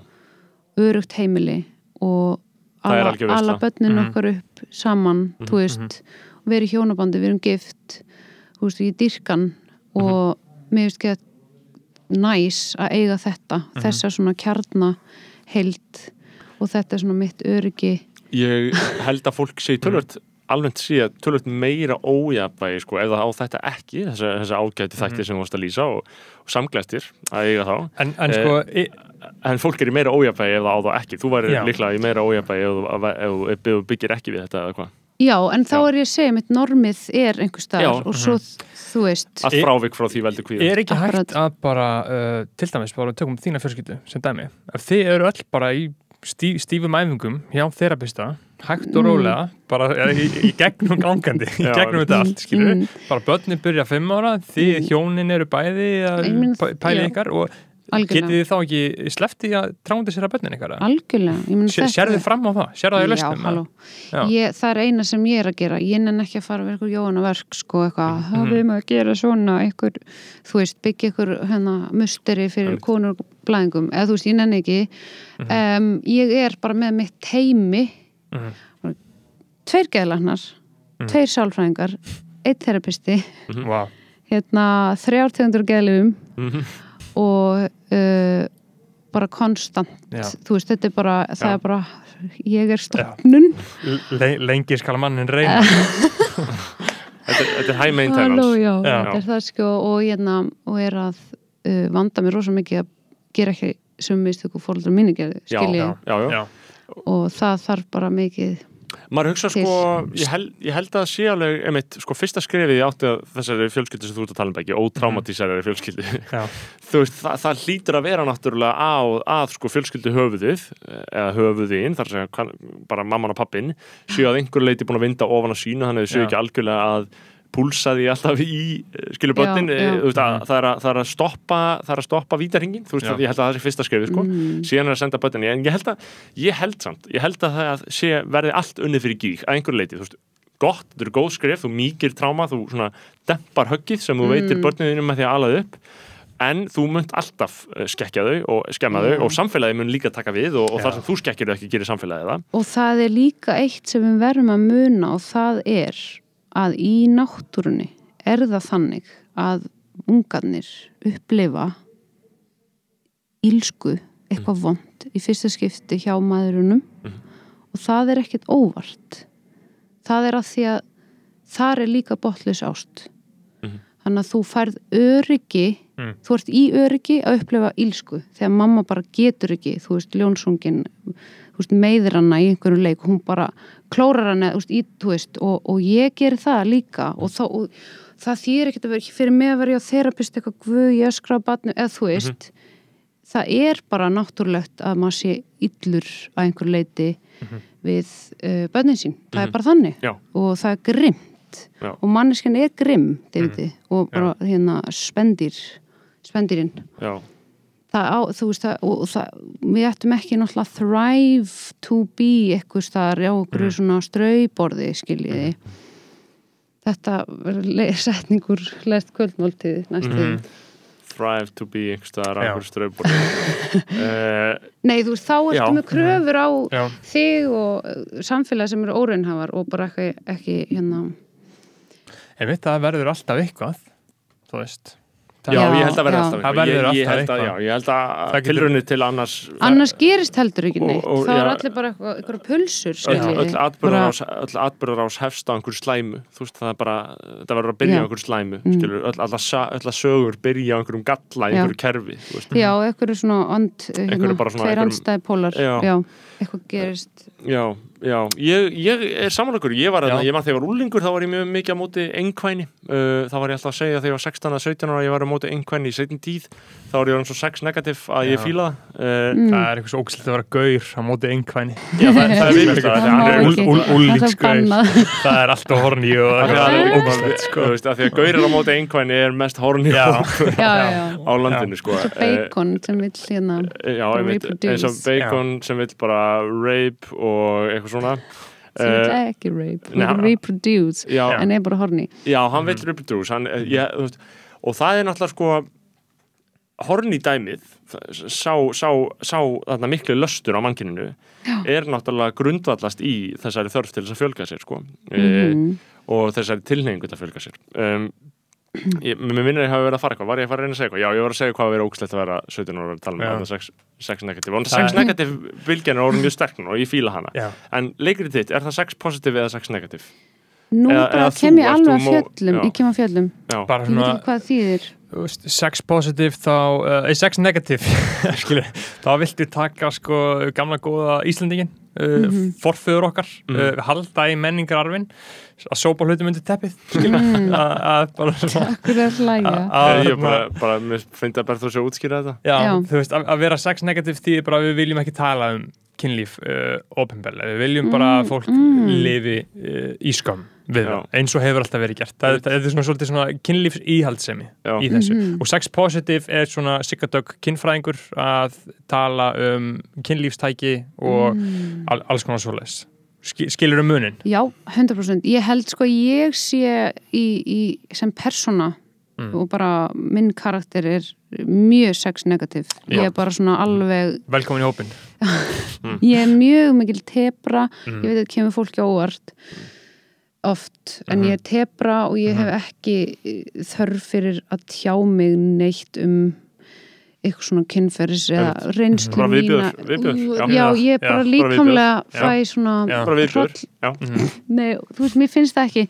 Og, og, hef oft verið í aðstæðum vinkonu hópum sem á að, þú veist, vera að tala um og ég alveg bara, uh, en samt alveg fyndið, en Já, já, þið já, veitir en innan, innan skynsalega marka skilur einhver oversera já, þú já, veist, já, já, og eða svona eitthvað það sem á er eitthvað svona in details og eitthvað Einmitt. sem á er oft og ég er bara eitthvað svona ég fæ svona, hérna í hryggjasúluna bara svona já, já. ég, ég er bara tebra og minnst það smart og flott og elegant sammála Uh, en ég held nú að einhverju karakterar í þessu verki séu mjög mikið sex positive er er það ekki? jú, er það, er það hitt? ég, ég fór bara að hugsa um það út af því þess vegna spurði ég, sko, vegna þess að það, mér fannst það svolítið að vera umræðinni í þessu, bara svona almennt um kynlíf, sko, og ég er náttúrulega einmitt á móti almennri umræð um kynlíf, en mér fannst það svona sleppa innan marka þessa verks, sko.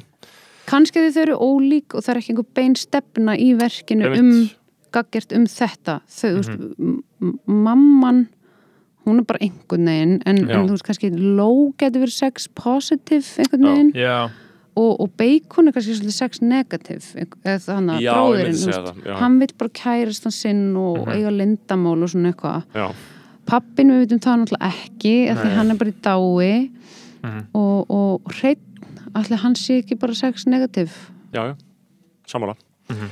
um, svo er það já, ímislegt annað sem við gætum rætt og myndum ræða. Hvernig eru tímamörkin okkar? Við viljum kannski ekki vera allt of mikið lengur eða þannig guð Veitu, hvað er klukkan? klukkan er orðin 2.45 það er 2:45. ímislegt sem við mættum vilja ræða. Nei, það er allt í góður já, Já. ok. Uh, sko, mér langaði til að uh, þarna tala um, við erum búin að tala um leikritið, við erum búin Mhm. að tala um uh, sjómanstættina og kvikmyndinar og þú veist, uh, allt þetta uh, á sér sammeilegt í að vera bara einhverja sögur sem að Íslendingar eru að segja hver öðrum og mér Mhm. langar aðeins aftur að ræða og tala um sko hvernig sögur eru sagðar á jæðrinum og hvernig er svona svolítið verið að uh, eigðileggja það, eigðileggja jæðrinu með því að allir færi svolítið nær miðjunni Mhm.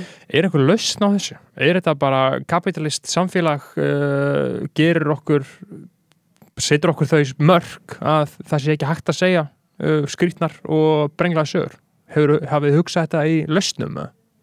Sko, það er náttúrulega kannski svolítið brútal segja að þetta sé döitt, þú veist, en Mhm. a- eins og áðan voru að spyrja um, þú veist, áhorfandan og gaggrinni Já, og það er kannski eitthvað líkill þar að áhorfandin getur haft sko þú veist, aftur vaki meðvitunduna um að hann hefur, hefur vald, skiluru þú veist, þú mátt lappa út.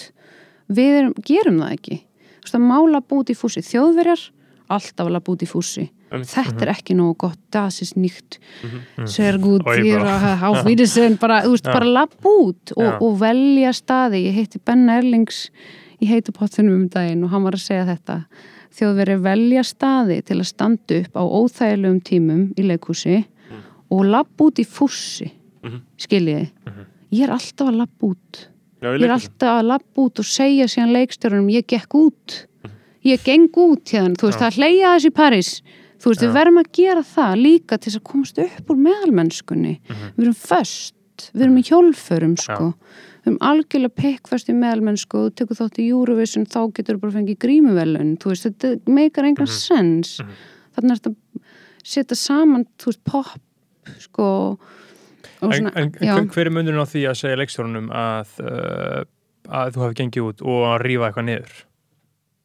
Skilur bara með að vera bara óþarfa leiðileg Ég eða, myndi þú veist- það má alveg, Já. þú veist, Já. það má að því það er ekkert Mhm. og þú veist, og svo og, kannski munur að labba bara út og munur að segja síðan leikstjórnum að maður labba út og þá verður eitthvað samtal Mhm. eða, þú veist, að líka að sé eitthvað í húfi þegar ég er að gera eitthvað ég verð að gera þú veist, ég verð að halda fólki hérna inni, líka Mhm. bara þau eru borgókslega mikið, ég vil ekki að þau sitji í salnum af meðvirkni og það er rosa mikið í gangi og það finnst mér að vera döiði Mm. og hérna og þá freka bara að labba út og þá bara akkurat labba út hvað er að gera, eða skilur að, að maður he- hefur, ber á, hefur vald og þá þar lendi ábyrð eða skilur Já, já, já, Og- já. en ég veit ekki Meðalmennskan, erum við meðalmennskan, erum við föst í meðalmennskunni? Er, er, er, ég, er alveg sammálaðir, en, en þú veist, erum við föst í meðalmennskunni á Íslandi? Er, er meðalmennskan hérna allt um líkjandi? Heldur það, finnst það? já, mér finnst það Já. ros, við minnst vera bara svona mekka Já. með Í- í, í, í öllu, bara leikhúsi? Um, nei, ekki öllu. Nei, Nei? ekki til dæmis kannski tónlist. Pop tónlist samt íslensk. Já, en við erum með svona tónskáld sem eru bara mjög framalega í, þú Já. veist, ég menn músík bara Já, já. reynd, sko bara, hérna. Já, mm ég, ég, já, pop tónlist er svolítið bara döið, já, hérna, já, þurfum algjörlega. Þetta með tónskáldin, sko, Hildur Gunnardóttir, Já. hún er búin að fá bara, bara bókstala öll velun, bara Mhm. hún var að fá græmi hann fyrir skemmstu og ég hugsa bara eitthvað, ég veit ekki eins og hvað í fokkanum hún gerir, bara að semja, ég, ég veit svo lítið um Mhm. að vera tónskáld að ég veit Mhm. ekki eins og hvað hún gerir, ég veit að hún væntalega semur lögin bara og gerir nótunar og eitthvað Mhm. svona, en sko, er þetta, þú veist, er svona sigur ganga um öll, allar verðluna hátíð heims, er Mhm. þetta, sko, er þetta svona hátíðnar og verðlunin sem stressast og byrja að hugsa um að gefa sömu verðlunin eða er þetta bara eitthvað svona algjörlega hlutlust mat um að allir hafi komist að þessari sömu niðurstöðu um að þessi mannskja verða að fá verðlun vitið þið hvaða spurningu er að Já, bera já. fram hérna? Já, ég hef alveg velt þessu fyrir mér, ég held Já. að sé bara gæðin, sko. Já, Það- þetta eru bara gæðin. Þetta eru bara gæðin, sko. það, það fyrir líka eftir, sko, eins og bara Golden Globe það er frækt, þú getur bara keift þau Golden Globe er bara drasl, þú getur bara lobbyað þig algjörlega í gegn þar eins og þið sá að Emily in Paris uh, van, var Já, tilnæntið það og sem bara, bara, basu, bara ba- basúra. Mhm. drasl og Já. I May Destroy You ekki tilnæmt sem var bara besta sjónvarsafni sem, hefur verið já. gert bara í mjög langa tíma. Já. frábært tótt, þú veist, það, það er svolítið sannast það, það hefur alltaf verið vita, Golden Globes er bara rugl, rust og bull. Mhm. uh, Óskarinn og Grammy. En þetta er mjög áhverð, sorry. Mm Emily in Paris. Já. Vitið þið hvort er kona eða kall sem skrifa það, eða hvað er það? það, það, það er bæði það er er bæði. bæði konu og kall sem skrifa Já, það. já. og þetta er bara, mér finnst þetta vera sjónsefni sem er gert til þess að halda manni niðri, eða þú veist bara hvaða Já, bara hvað er þetta? nu- numbing of the masses. Og svo I May Destroy You sem er bara eitthvað svona live. Mhm. hvað hérna þetta er augljóst, eða skiluru Mhm. þetta er svona kannski sönnum þess að við erum það er næs að vera kallmaður og við erum ekkert komin neitt Já. lán Já, já, já, já. Mhm. vafalust sko það spila líklega inn í. Eh, Ég, ég ætla að meðal- googla hvort það sé kona kall meðalmennskan, ég held að me- meðalmennskan, uh, ég, ég, ég held samt, er hún ekki samt bara svona nöðsynlegt status quo? Getur við verið eitthvað annað en meðal ekki á Íslandi. Nei. það er ótrúlega óþægilegt. Ymmit, Mhm. það er bara þú veist, að því að, að því að ég vinn í fjölmjölum og ég hugsa þetta ofta, þú veist, allt Mhm. sem kemur út í íslensku fjölmjölum er alltaf bara svona unnið bara svona sirka, veist, það er bara svona Já. sirka allt í lægi umfyllinu er bara mjög góð Og meðalmennskan er svo landlæg. í, í fjölmjörnum, einmitt. bara En- greinar sem er að koma út á hverjum þetta er svo, svo landlæg meðalmennska, en, en síðan kemur eitthvað gott inn á milli samt, og þá er maður Já, sátt með og það þá maður sáttu með bara það. eitthvað, Ma- eitthvað á, á stundinni eða í kjarnanum. Já, já. bara eitthvað næs, eða, hvar sem er og svo allt sem að er í, í, sem fer yfir Mhm. eitthvað meðal, það Já. bara svona ratar út. Já, já, já. eða þú veist, Já. það er svona þrýfst ekki hér Nei, og, og já, þá einmitt. fara viðkomandi bara erlendis og eru í þú veist, konsittera sig bara í international kontekst og eru já. bara um, En haldið þið að ef maður gerir eitthvað gott þá fáið það verðskulda aðtegli Þú veist, almennt. Haldið þið að það sem sé gott fái Ég sé meina við reyndum að koma, komast inn í bæði þjóðleikus og borgarleikus með lest kvöldmáltíð. Ok, og það var bara nei, þú veist. Þau, þau, ge, þau get ekki ok, þetta er kannski ekki besta dæmi en þetta er samt eitthvað svona eins og einmitt. æmeti strói og bara eitthvað svona algjörlega þú veist, þetta er bara samtali við lifandi fólk núna skiljiði og það finnst mér lest kvöldmáltíð vera Mhm. og, og hún og, og eitthvað svona kemur innanfrá úr eitthvað svona rosa og, og svo hressandi Já. og bara svona lifandi og það, má, það er ómikið fyrir Mhm. eins og hérna, eins og kannski stopnarnir eða eitthvað Mhm. og það er hérna ég man ekki hvað spurningin var og ég álega dóttan út Já, hvort að gott fái gó, hvort að góðu sitt sé gert nægilega hátt undir höfði bara almennt sem meginregla. og ég held að mitt að, að þú veist, ykkar sitt hafi ekki ratað inn í aðtunleikúsin um, ég veit ekki af hverju. Og mun ekki fá, ég menna veist, það fær tæra hálfa stjörnu í Já. frá, en það er enda hún já, hún hérna Silja Björk. Silja Björk já, hún alveg, þú veist það er mælikvarði. Hvort, þú veist, er fólk bara eitthvað að fer og sjá það sem hún já, já, hérna, gefur lágt eða Einmitt. fer að sjá það sem hún gefur hátt og þú veist, Akkurat. já, ok er, er, er hún fígúra sem að fólk þekkir og, hún er bara svona já þekktu gaggrinandi já, og gaggrinni er döið líka út af þessu þú veist, það, þau bara geta sagt eitthvað, þú veist, Adolf Smári ger hérna óperu Mhm. og sem er bara einhvern veginn og einhvern veginn og hann fær fimm stjörnur og bara, og hann er bara, þú veist, fær grímuna eða skiljið, þú veist, og Já. hann bara og þá bara fær hann að gera og þá er leikursin eitthvað, ó, ok, þetta er eitthvað svona já þannig að það byrja hjá gaggrinendum sem eru bara, hafa þeir ennþá völd á Íslandi þau hafa þessi í, völd í, í allavega leikhúsinu Já, svona. Já. Og Já. miðasala ríkur upp Já. ef þú gefur háa, þú veist, og það er, snýst allt um miðasaluna og Mhm. að því þá ef ykkur um tala og þú veist, grímu ég, ég, þú veist, grímu velunin einhvern tíma fyrir þremur árum eða eitthvað þegar að, þú veist, Marja Telma er með sýningu í þjóðlugusinu sem er bara eitthvað svona um hennar rætur og mammanar frá Asíu, ég veit ekki hvort hún er frá Vietnam held ég. Og bara eitthvað svona sýning, eitthvað sem hefur ekki sérst á sviði í íslensku þjóðleikúsi, þú veist, þetta er þjóðleikúsið Mhm. um, þú veist, bara eitthvað vietnamskan menningararf eða eitthvað Mhm. og hver, sögu mömmunar og eitthvað blá og þetta er algjörlega jú, úst, nýtt fyrir íslenskan áranda. Mhm. og hún bara leikona að vinna og bara, du, þú veist, og svo er Matti sem var í Hatara og hann skrifar verk sem bara um kalli krísu og allir að missa sig við því. Þú veist, þetta er svona mítjókar verk og Mhm. mítjókar um fjallunarefni og þú veist, alltaf er bara skemmtileg hugmynd. Og þau bæði tilnæmt eitthvað í sprota grín hana, spriðlingur ársins. Mhm. og að því hann var búin að vera í Eurovision þá fær hann grímuvelunin þú veist, og ég var bara það er svo augljóst það er augljóst fyrir fram að mig hvað er með meira sprota Mhm. þið vitið já, Hvað er meira ból? element Já. og, já, og, og já, já, já, já, sko, einmitt þetta er mjög aðtilsvært, halda fram Ef þú Nei, já, það, þannig að segja áhrif Mhm. Eurovision, áhrif þess að vera Já. í vinsældum Hvað, og hvað það- getur selt? Basically. Já, Nei, ekki. jú, Hvað er hægt að uh, selja til þess að þessi stofnarnir geti haldið sinni starfsemi áfram? mhm, Af því að það, er, það þurfa bara einhvern veginn að hugsa þannig og Já. þetta er einhvern veginn flókin blanda en, já, en þetta er það að Mm. hafa fólk í stjórnunastöðu sem sér fólk sem er svona radiating, skiljiði mig Mhm. ég sé þig og þú og, og hafa nóg mikið business courage til þess að veðja Já. á raunverulegt Já. hérna bara þú veist, fólk að því að og það myndi mögulega rífa okkur upp úr meðalmennsku, Mhm. skiljiði hérna og, og, en svo erum við, já, ég veit ekki Já, Já, og, og, og bara hugur ekki og síðan Mhm. þarf náttúrulega líka því að það er allt hugsað í hagvexti eða hvernig sem fólk Mhm. vil hugsa þetta þú veist, að þurfa að uh, halda í ljósunum, kveitum.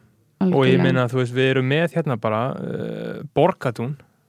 Við erum með bara eitthvað 5.000 hvað, ætlir margir inn í borgatúni? 20.000 manns, Nei, ekki alls að ekki vinna- 20.000 manns, nokkur þúsund. 5.000 Mhm. manns. Mastalegin nokkur Vinna- þúsund. hjá þessum fyrirtækjum. Borgun, Arion banka, Kviku banka Piece of shit, rusl, tilgangslust, drasl Mm. og þetta fólk er bara, bara einu og hálf miljón á mánuði, ekkert mál. Og síðan er fólk sem er að gera eitthvað sem að skipti máli. Að gera tónlist leikús eða, eða hvað sem það er. Og það það bara að skrimta það er bara að deyja. já. það er bara að deyja. Og út af þessu kerfi sem er búið að smíða af fólkinu í borgatúnu og öllum þessum lögfræðingum öllum þessum hagfræðingum bara búin að búa til þetta bullshit sem við lifum í að þau séu að vinna, sitja við eitthvað skrippborð og færa eitthvað tölur milli Excel-skjali, ég veit ekki hvað ég gera. Ég vil ekki endilega vera svíður eða endilega fólki sem að vinnur við þetta, heldur bara kerfi sem er búið að búa til, að þetta er það sem er valjúað og það að, þú veist, segja einhverja sögur eða búa til einhverja list eða gera eitthvað sem skiptir máli, Mm. það er talið vera drastl eða þú veist, Já. þú átt ekki að geta að lifa á því Nei, og það er svolítið þetta kerfi sem er einhvern veginn búið að Þetta skapa, þetta sem- sem skapa sjálft sig sem að gera kallað- kleift að við erum í meðalmennskunni sem við erum í Þetta er það sem fólk hefur kallað and, andverðleika samfélagið, sko Já. Já, og við erum í, í lítilli tengingu við það að samfélag og við erum mann, hérna, verur, Mhm. bara personur og það er alltaf eitt sem að, veist, það þarf einhver að fara í hlutverk, veist, já, ég er réttu pönd, ég skal segja sögurnar, Mhm. ég er réttu pönd, ég skal hérna gera þetta, ég skal baka, þú veist, ég skal vera að færa tölur til á skjá, þú veist, við réttum bara upp hönd og það þarf að vera án þess að ég vilji hljóma eins og okkur brjálaði sósalisti skiljiði, þá, Mhm. þá þarf samt að hjálpa út af því sem hjálpa öllu, þú veist og, og, og kannski heila þetta viðhorf eins og til listamannalauna, Já. þú veist að það sé ykkur afætur eða bla, skiljiði Mhm. og, og bara ég held að þessi umræði sé ekki í gangi einu sinni lengur Jú, já, mjög, já, Já, þá lifir í búblu, sko Já, já. Já, þá þess- í þess- búblu. Við, erum öll í búblu, við heyrum ekki um ræðina en hún er, hún er hún til, sko. já. Sko, og, hata bara, hata listanum og, bara og, hata og, hana. og, það er svo skrítið þetta hún- er engin peningur. þetta er ekki og, og þetta er vestæðir, þetta voru natsíðanir í borgatúnin sem byggu þessu umræðu til og bara. henni til venjulegs fólks, skilur sem að bara býr bara hvar sem er kannski út á landi, hér og þar sem er bara ekki, sem er ekki tengslum við uh, listalíf og allt svona. Natsíðanir byggu þetta til og dreifðu til þeirra Uh, þú veist, þetta fólk og þú veist, það er búið að búa, þetta til að þú eigir að hata listamenn, það er bara eitthvað klink í listamannlaunum Mm. auðvitað ættu við að sko 300 faldaði Mhm. 300 falda listamannlaun bara þú veist, ef við erum með eina miljón setjum 300 miljónur í þetta, Mhm. sinnum við það með 100 auðvitað, þetta er eins og skiptir máli. Ísland Og svo er önnur umræðum sko hvernig ætti að útluta þeim og það er alltaf hægt að ræða útfærsluna og hvort að það sé eitthvað umdeinalegt sko. Það er líka fólk sem kerfi, já, Já, já, já, þú veist- algjör og það þurfa að vera listamennin Já. sjálfir búa og- til einhverjum svona öðruvísi og frumlega tegundra nefndum í kringum það sitt skilur og líðræðislegt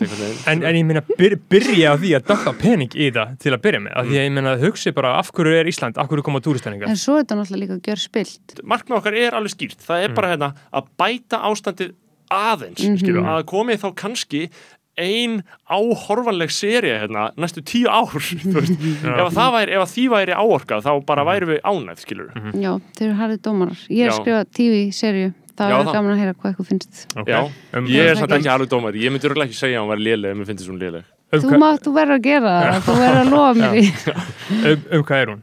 Hún er um Gretti Valsson Já. Ok, og ömmu mína og mig Mm. en, en hliðfært Já. þú veist, þetta eru Mhm. personur sem Mhm. að ég skrifa og þetta er ekkit, ekkit þau lengur Nei. sko Nei. nei en bara, þetta er svona um það að vera manneskja og geðveiki og það að vera ven, venjuleg manneskja og venjuleg, venjuleg Já, já. geðveiki og, Einmitt. Er einhver ekki geðugur eða? nei, Nei. Nei. mm, mm.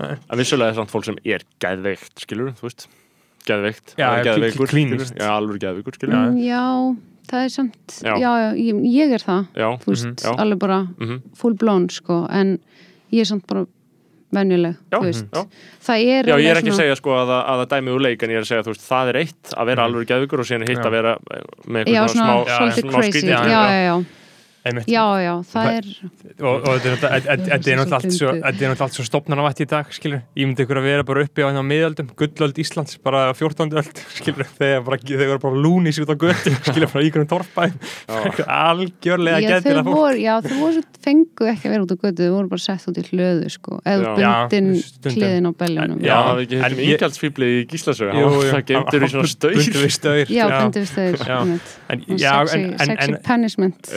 það er mjög eibalist Gíslasaga sko. Já, einmitt, en ég, ég hugsa um svona 15. aldar Bretland, það, þá eru svona alvöru já, fólk út já, Skilur. ég skilji í Íslandi það var náttúrulega kannski aðeins meira harðaraði en það sko. Já, já, bara drekt og Já. já.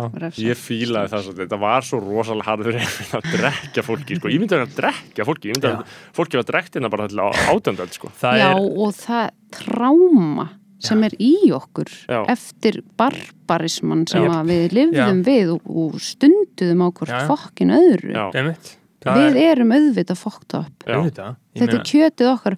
Við komum frá stöppu geðveiku fólki að drekja hvort öðru Mhm. lappandi á moldagólun bara eitthvað, þú veist skrýðandi upp í Mhm. til barnana og njóta þeirra. Eða skiljið, þú veist já, já. Allir, við allir með einhverja erum auðvitað traumatæst já. Já. Og, og sko, þetta hverfur ekki úr kynnslóðunum, þú veist, Nei. við erum holda þeirra holdi, við er- erum sama fólk. maður er að Já. díla við þrjár kynnslóðir segja vísindin, ég meina langa við okkar druknaði á afmælistegi uh, sko, hvað máar uh, sem sagt, á afmælistegi eiginmanns dóttur hans þá fór hann út að veiða í matinn og druknaði Mhm. Og allir bara komast að því kannski, ég veit ekki þú veist, nokkur klukkutum það Nokkur- er bara horfa síðar. það út um gluggan basically, Já. bara, já, þetta var þetta bara- á heiðinni. og bara hann druknaði Þetta er tráma, sko, Já, við lifum með þetta. við erum að díla Hinn við langa þetta. okkar fór í fangabúðir í Englandi, er, ég held að maður lifi við ímislegt, sko. Og þú ert að gera því skil í einhverjum handriti. Það Já. er gott. jú, algjörlega líka bara, þú veist, að vera ekki að uh, þú veist hvað hva, hva, hva er öfugt við að normalisera, stigmatæsa já, örgulega bara svona nei, svona að framand gera. Já, að það sé frávikur og svo skríti bara eins og ok, neyður á þeirra þar er hann með bípólar Já. og hann er bara rosalega mikið með bípólar að vera geðveikur að berjast fyrir því að einhverjir innflytjendur eða Já. getur verið bara rosa bípólar brjálaði þú Já, veist og ég eitthvað svona þá ertu svona að distansera og gera þetta að þú veit að færa þetta fjær því sem, þú veist, þetta er bara við Mhm. líka þú, get, þú veist, þú ert ekki bara eitthvað freak of nature með fokkin bípólar sko. þetta er ekki svona Nei, bara livjum og eitt svona eitthvað. Átt eitthvað- tæp tímabil já, auðvitað, en það er bara, þú veist, mismunandi það Já. er ekki bara eitthvað svona og svo er líka eins og, Já. þú veist, í hana vertu úlfur svo hann er bara segir ógisla oft bara þið get ekki ímynda eitthvað hvernig það er að koma inn á geðdild þið get ekki ímynda eitthvað hvernig það er að koma inn á geðdild bara í fyrsta lagi, jú, ég get ímynda mér út ekki gert það, skilur, Mhm. ég hef gert það og akkur getum við ekki ímynda okkur það, eða þú veist. Og akkur eigum við ekki bara líka verið þeirri stöðu að á einhverjum tímbútu kynum við hugsanlega skjótast ákvað inn, skilur eða eitthvað.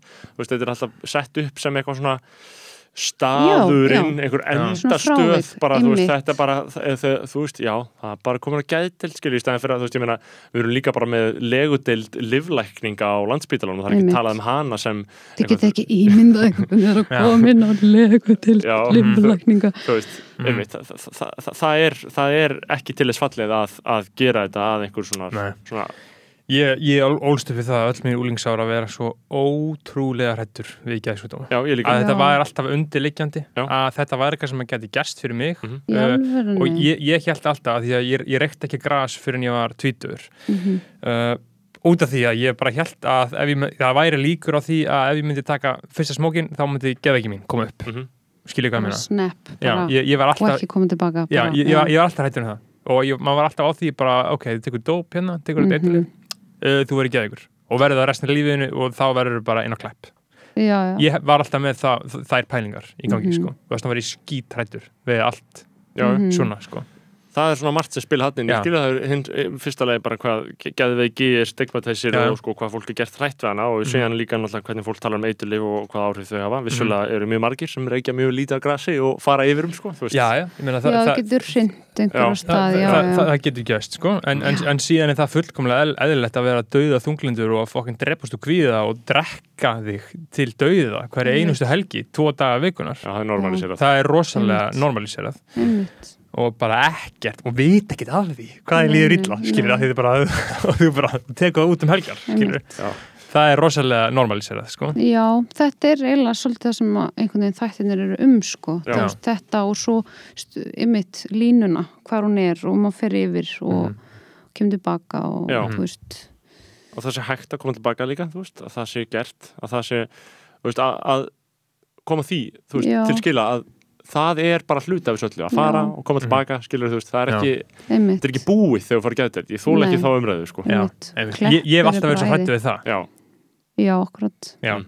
bara insane að eilju já, það er alltaf verið svona- Ekki þægileg, ekki notaleg. Já. Lýsir kvíð, þetta er nú heilsu kvíði já, já já. Beggi með heilsuguða, þú er greinlega með heilsuguða Ég- Greinilega, greinilega, en ég maður bara hvað ég var alltaf svo ó, og, og þegar maður heyrði af einhvern vini sínum að taka kóka en að gera eitthvað svona, það var bara það var bara held ég, ok, já, ok, þeir eru orðin dópistar uh, og það, þeir eru ekki sjans í lífið núna, skilur það, það, ég, ég held það alltaf. Mm. mm.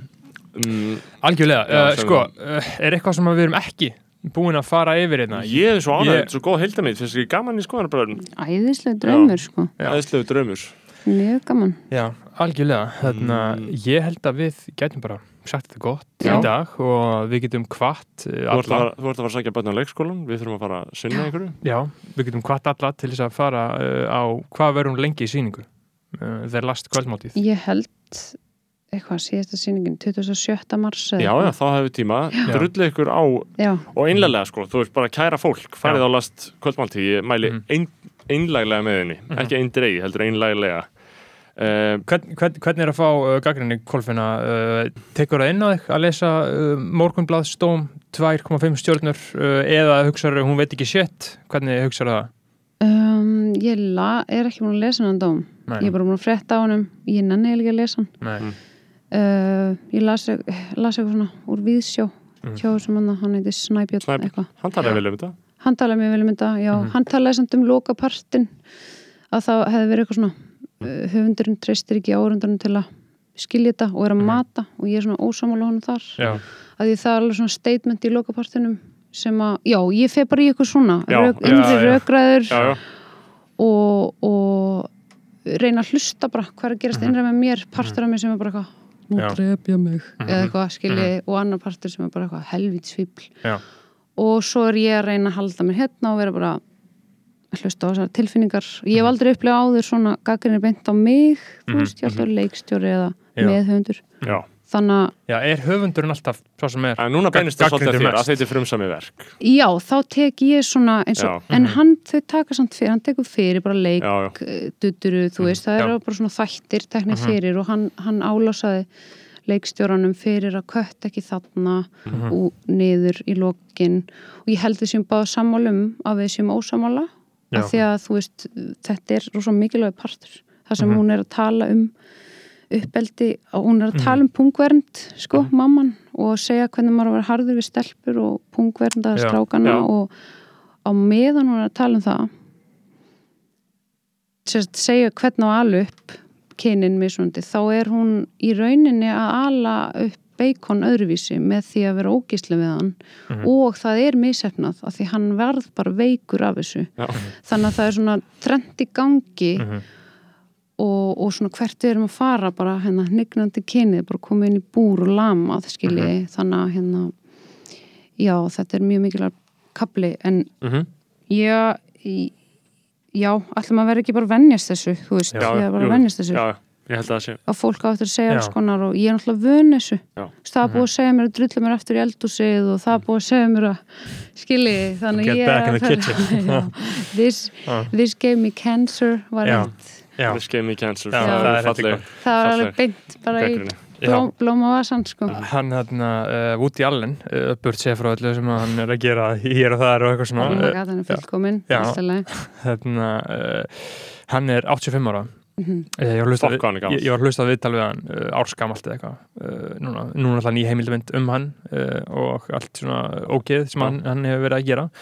Uh, en þetta viðtal, þá tala um það að hann er 85 ára og Mhm. hefur ekki einu sinni á ævi sinni nokkuð tíma lesið gaggrinni, Mhm, gefið út svona 40 myndir eða eitthvað. Mhm, gott og aldrei nokkuð tíma lesið neinstað neitt og neitt. Og það er einhver allar að segja nokkuð og segja nei, uss. Já, flott. Mér finnst það svolítið magnað að geta haldið í til streitu. ég er búin að vera að channela Woody Allen síðustu dag, ég er ekki að djóka. Ég var í svona trendscoat og var Mhm. eitthvað svona, ég var nýflutt í nýja íbúðinu mína og var eitthvað, mér líður svo Woody Allen með Já. hendina svona upp í loft. Já. Og svona brosandi, svona þunglind Já, glöðmanneskja já, já, þegar þunglindi sjúklurinn er glaður Já, það er svona Woody Allen. Það er einmitt svolítið hann, sko, þunglægt að glaða gáfumennið, sko. já, Já, ég já. elska þetta Það sko. En, en, en hvað finnst þér um að þau nótu listar hans þegar hann uh, á allegedly uh, eitthvað? Já, já, svona uh, gert eitthvað ógislegt ég, þú veist, ég veit það ekki. Þetta er ríkalett, náttúrulega. Mhm. og Já, já. En maður þarf samt bara eitthvað svona fyrir, þú veist, ég veit það ekki. Ég, ef fólk hefur hæfileika, þá getur maður fyrirgefið. Mhm, nánast allt. Já, já, þetta er Já. snobb sko, þetta Já. er náttúrulega ógislegt en Mhm. Já, ég meina, hverjum ekki drull. Uh, já, já. Við samla uh, Við segjum þetta gott í skoðanum Takk kærlega fyrir að koma að Takk hérlega fyrir þetta. Kveðjum hérna úr klefa hins hnignandi kynns uh. Úff, í stúdíu 101 drifum út í ferskalóttin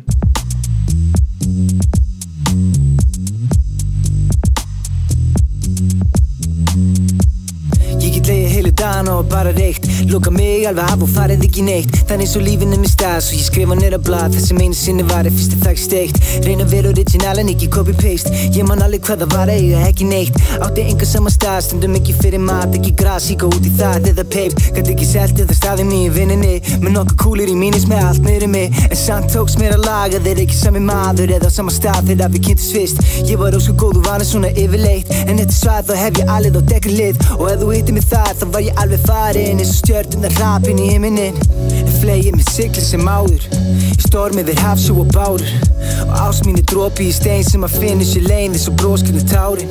Ég vátt nokkuð konur um árin. Ég velska það meir en ég átti. Þannig að förum í sikkora áttina Strax ef við getum með leið í sáttir. Heyri að þú staðir í einhverju kjáftæði Frétti að það væri janúar hallari. Ekki hér kóti við skulum rúla inn að Mari Og ég skal rétta þér inn að Ragnhiði Allt í einu hef ég nóg fyrir stafni Byttu Guð svo hver dagur er kraftaverk. Ég er Guð, þú er Guð, vinur Guð Og hvern einasta dag myndu það þú ert skapari. Ef þú vilt eiga við með orð er ég enn við sama borð Þar sem sitta bara djöflar eða dýlingar. Bæði eða annað hvort Blanda síðu geði við fólki Mér finnst ég þurfa að setja einhverja grímu upp. Þú vilt eiga þetta við gott Smá kongur eða big shot. Hvernig sem þið líður vel Sumir finna aldrei sitt spot. Þið vant á viðfang og skortir allan tilgang í lífinu. Sjálfur verið þarna oft Alltaf dag fucked off Fyndið einhver bótt Þangar til ég hý mig upp. Ég gefi því vott að það getur verið svo gott Þegar lóksins vorkunin líja þér. Stundu verð ég alveg stopp Starri upp í lofti Því ég gerir hluti ekki rétt tímaröð Eða er eitthvað sem er off Fer ég einhvern og brott Flýpur Döðin en ég fer úr límingum. Ég sendi þér frika bóskort Hérna er alltaf mikið smá tók Og ég hef ekki tíma gaur Þessi gaurar eru offsoft Pósa eins og dúkur Og telja læka sín í símanum. Hey tík, viltu kíkja? Heitt rings Er ekki ég maður í misjón En fyrst förum við í misjón Skulum finna eitthvað kannski pína Hey frík, viltu kíkja í tring, sér ekki ég er maður í mission. En fyrst fyrir við í mission. Skulum finna eitthvað weed og kannski pínu lítið disco. Afi minn handa whisky, þegar ég var ungur Leikum við okkur í bissó Var það eitthvað sem þú vissir, í þinni visku. Sástu bóan í mig fyrstur. Og kallinn elskaði jazz og stundur reylaði skattir En hann keiraði að stað, skipiri bí ba ba ba Kemdi fisk út í skú þar sem hann fekk sér í glas Og lættist inni svo að labbað og gleri. A Bleikský er í austur, sólstafir í vestur Það bleikar út við hafið Kannski komið tími til að vakna og taka hverja glæni í stefnu. Leðast að því æfintýri séru dýrinni þín. Veru dýri, veru blómu, veru sól svo skín. Við áttum ekki hafið sem að skín. Spekli sig í. Við erum allt sem hefur farið, kemur aftur á ný. Vindurinn sem blæ, simna þín úr harmoníum. Fyrir fyririldinn sem vilja flýja Lífsins kólosíum. Það situr leikstjórin og fangar þig draumnum sínum Og stelur brot úr öllum þínum fallegustu melodíum Hann hefur lífsins drauma verallega löngun sína og bindir raunir þínar enda lausum saumum tíman Ba-da-da-ba-ba-bam Ba-da-da-ba-ba-da-da-da-da-ba-dam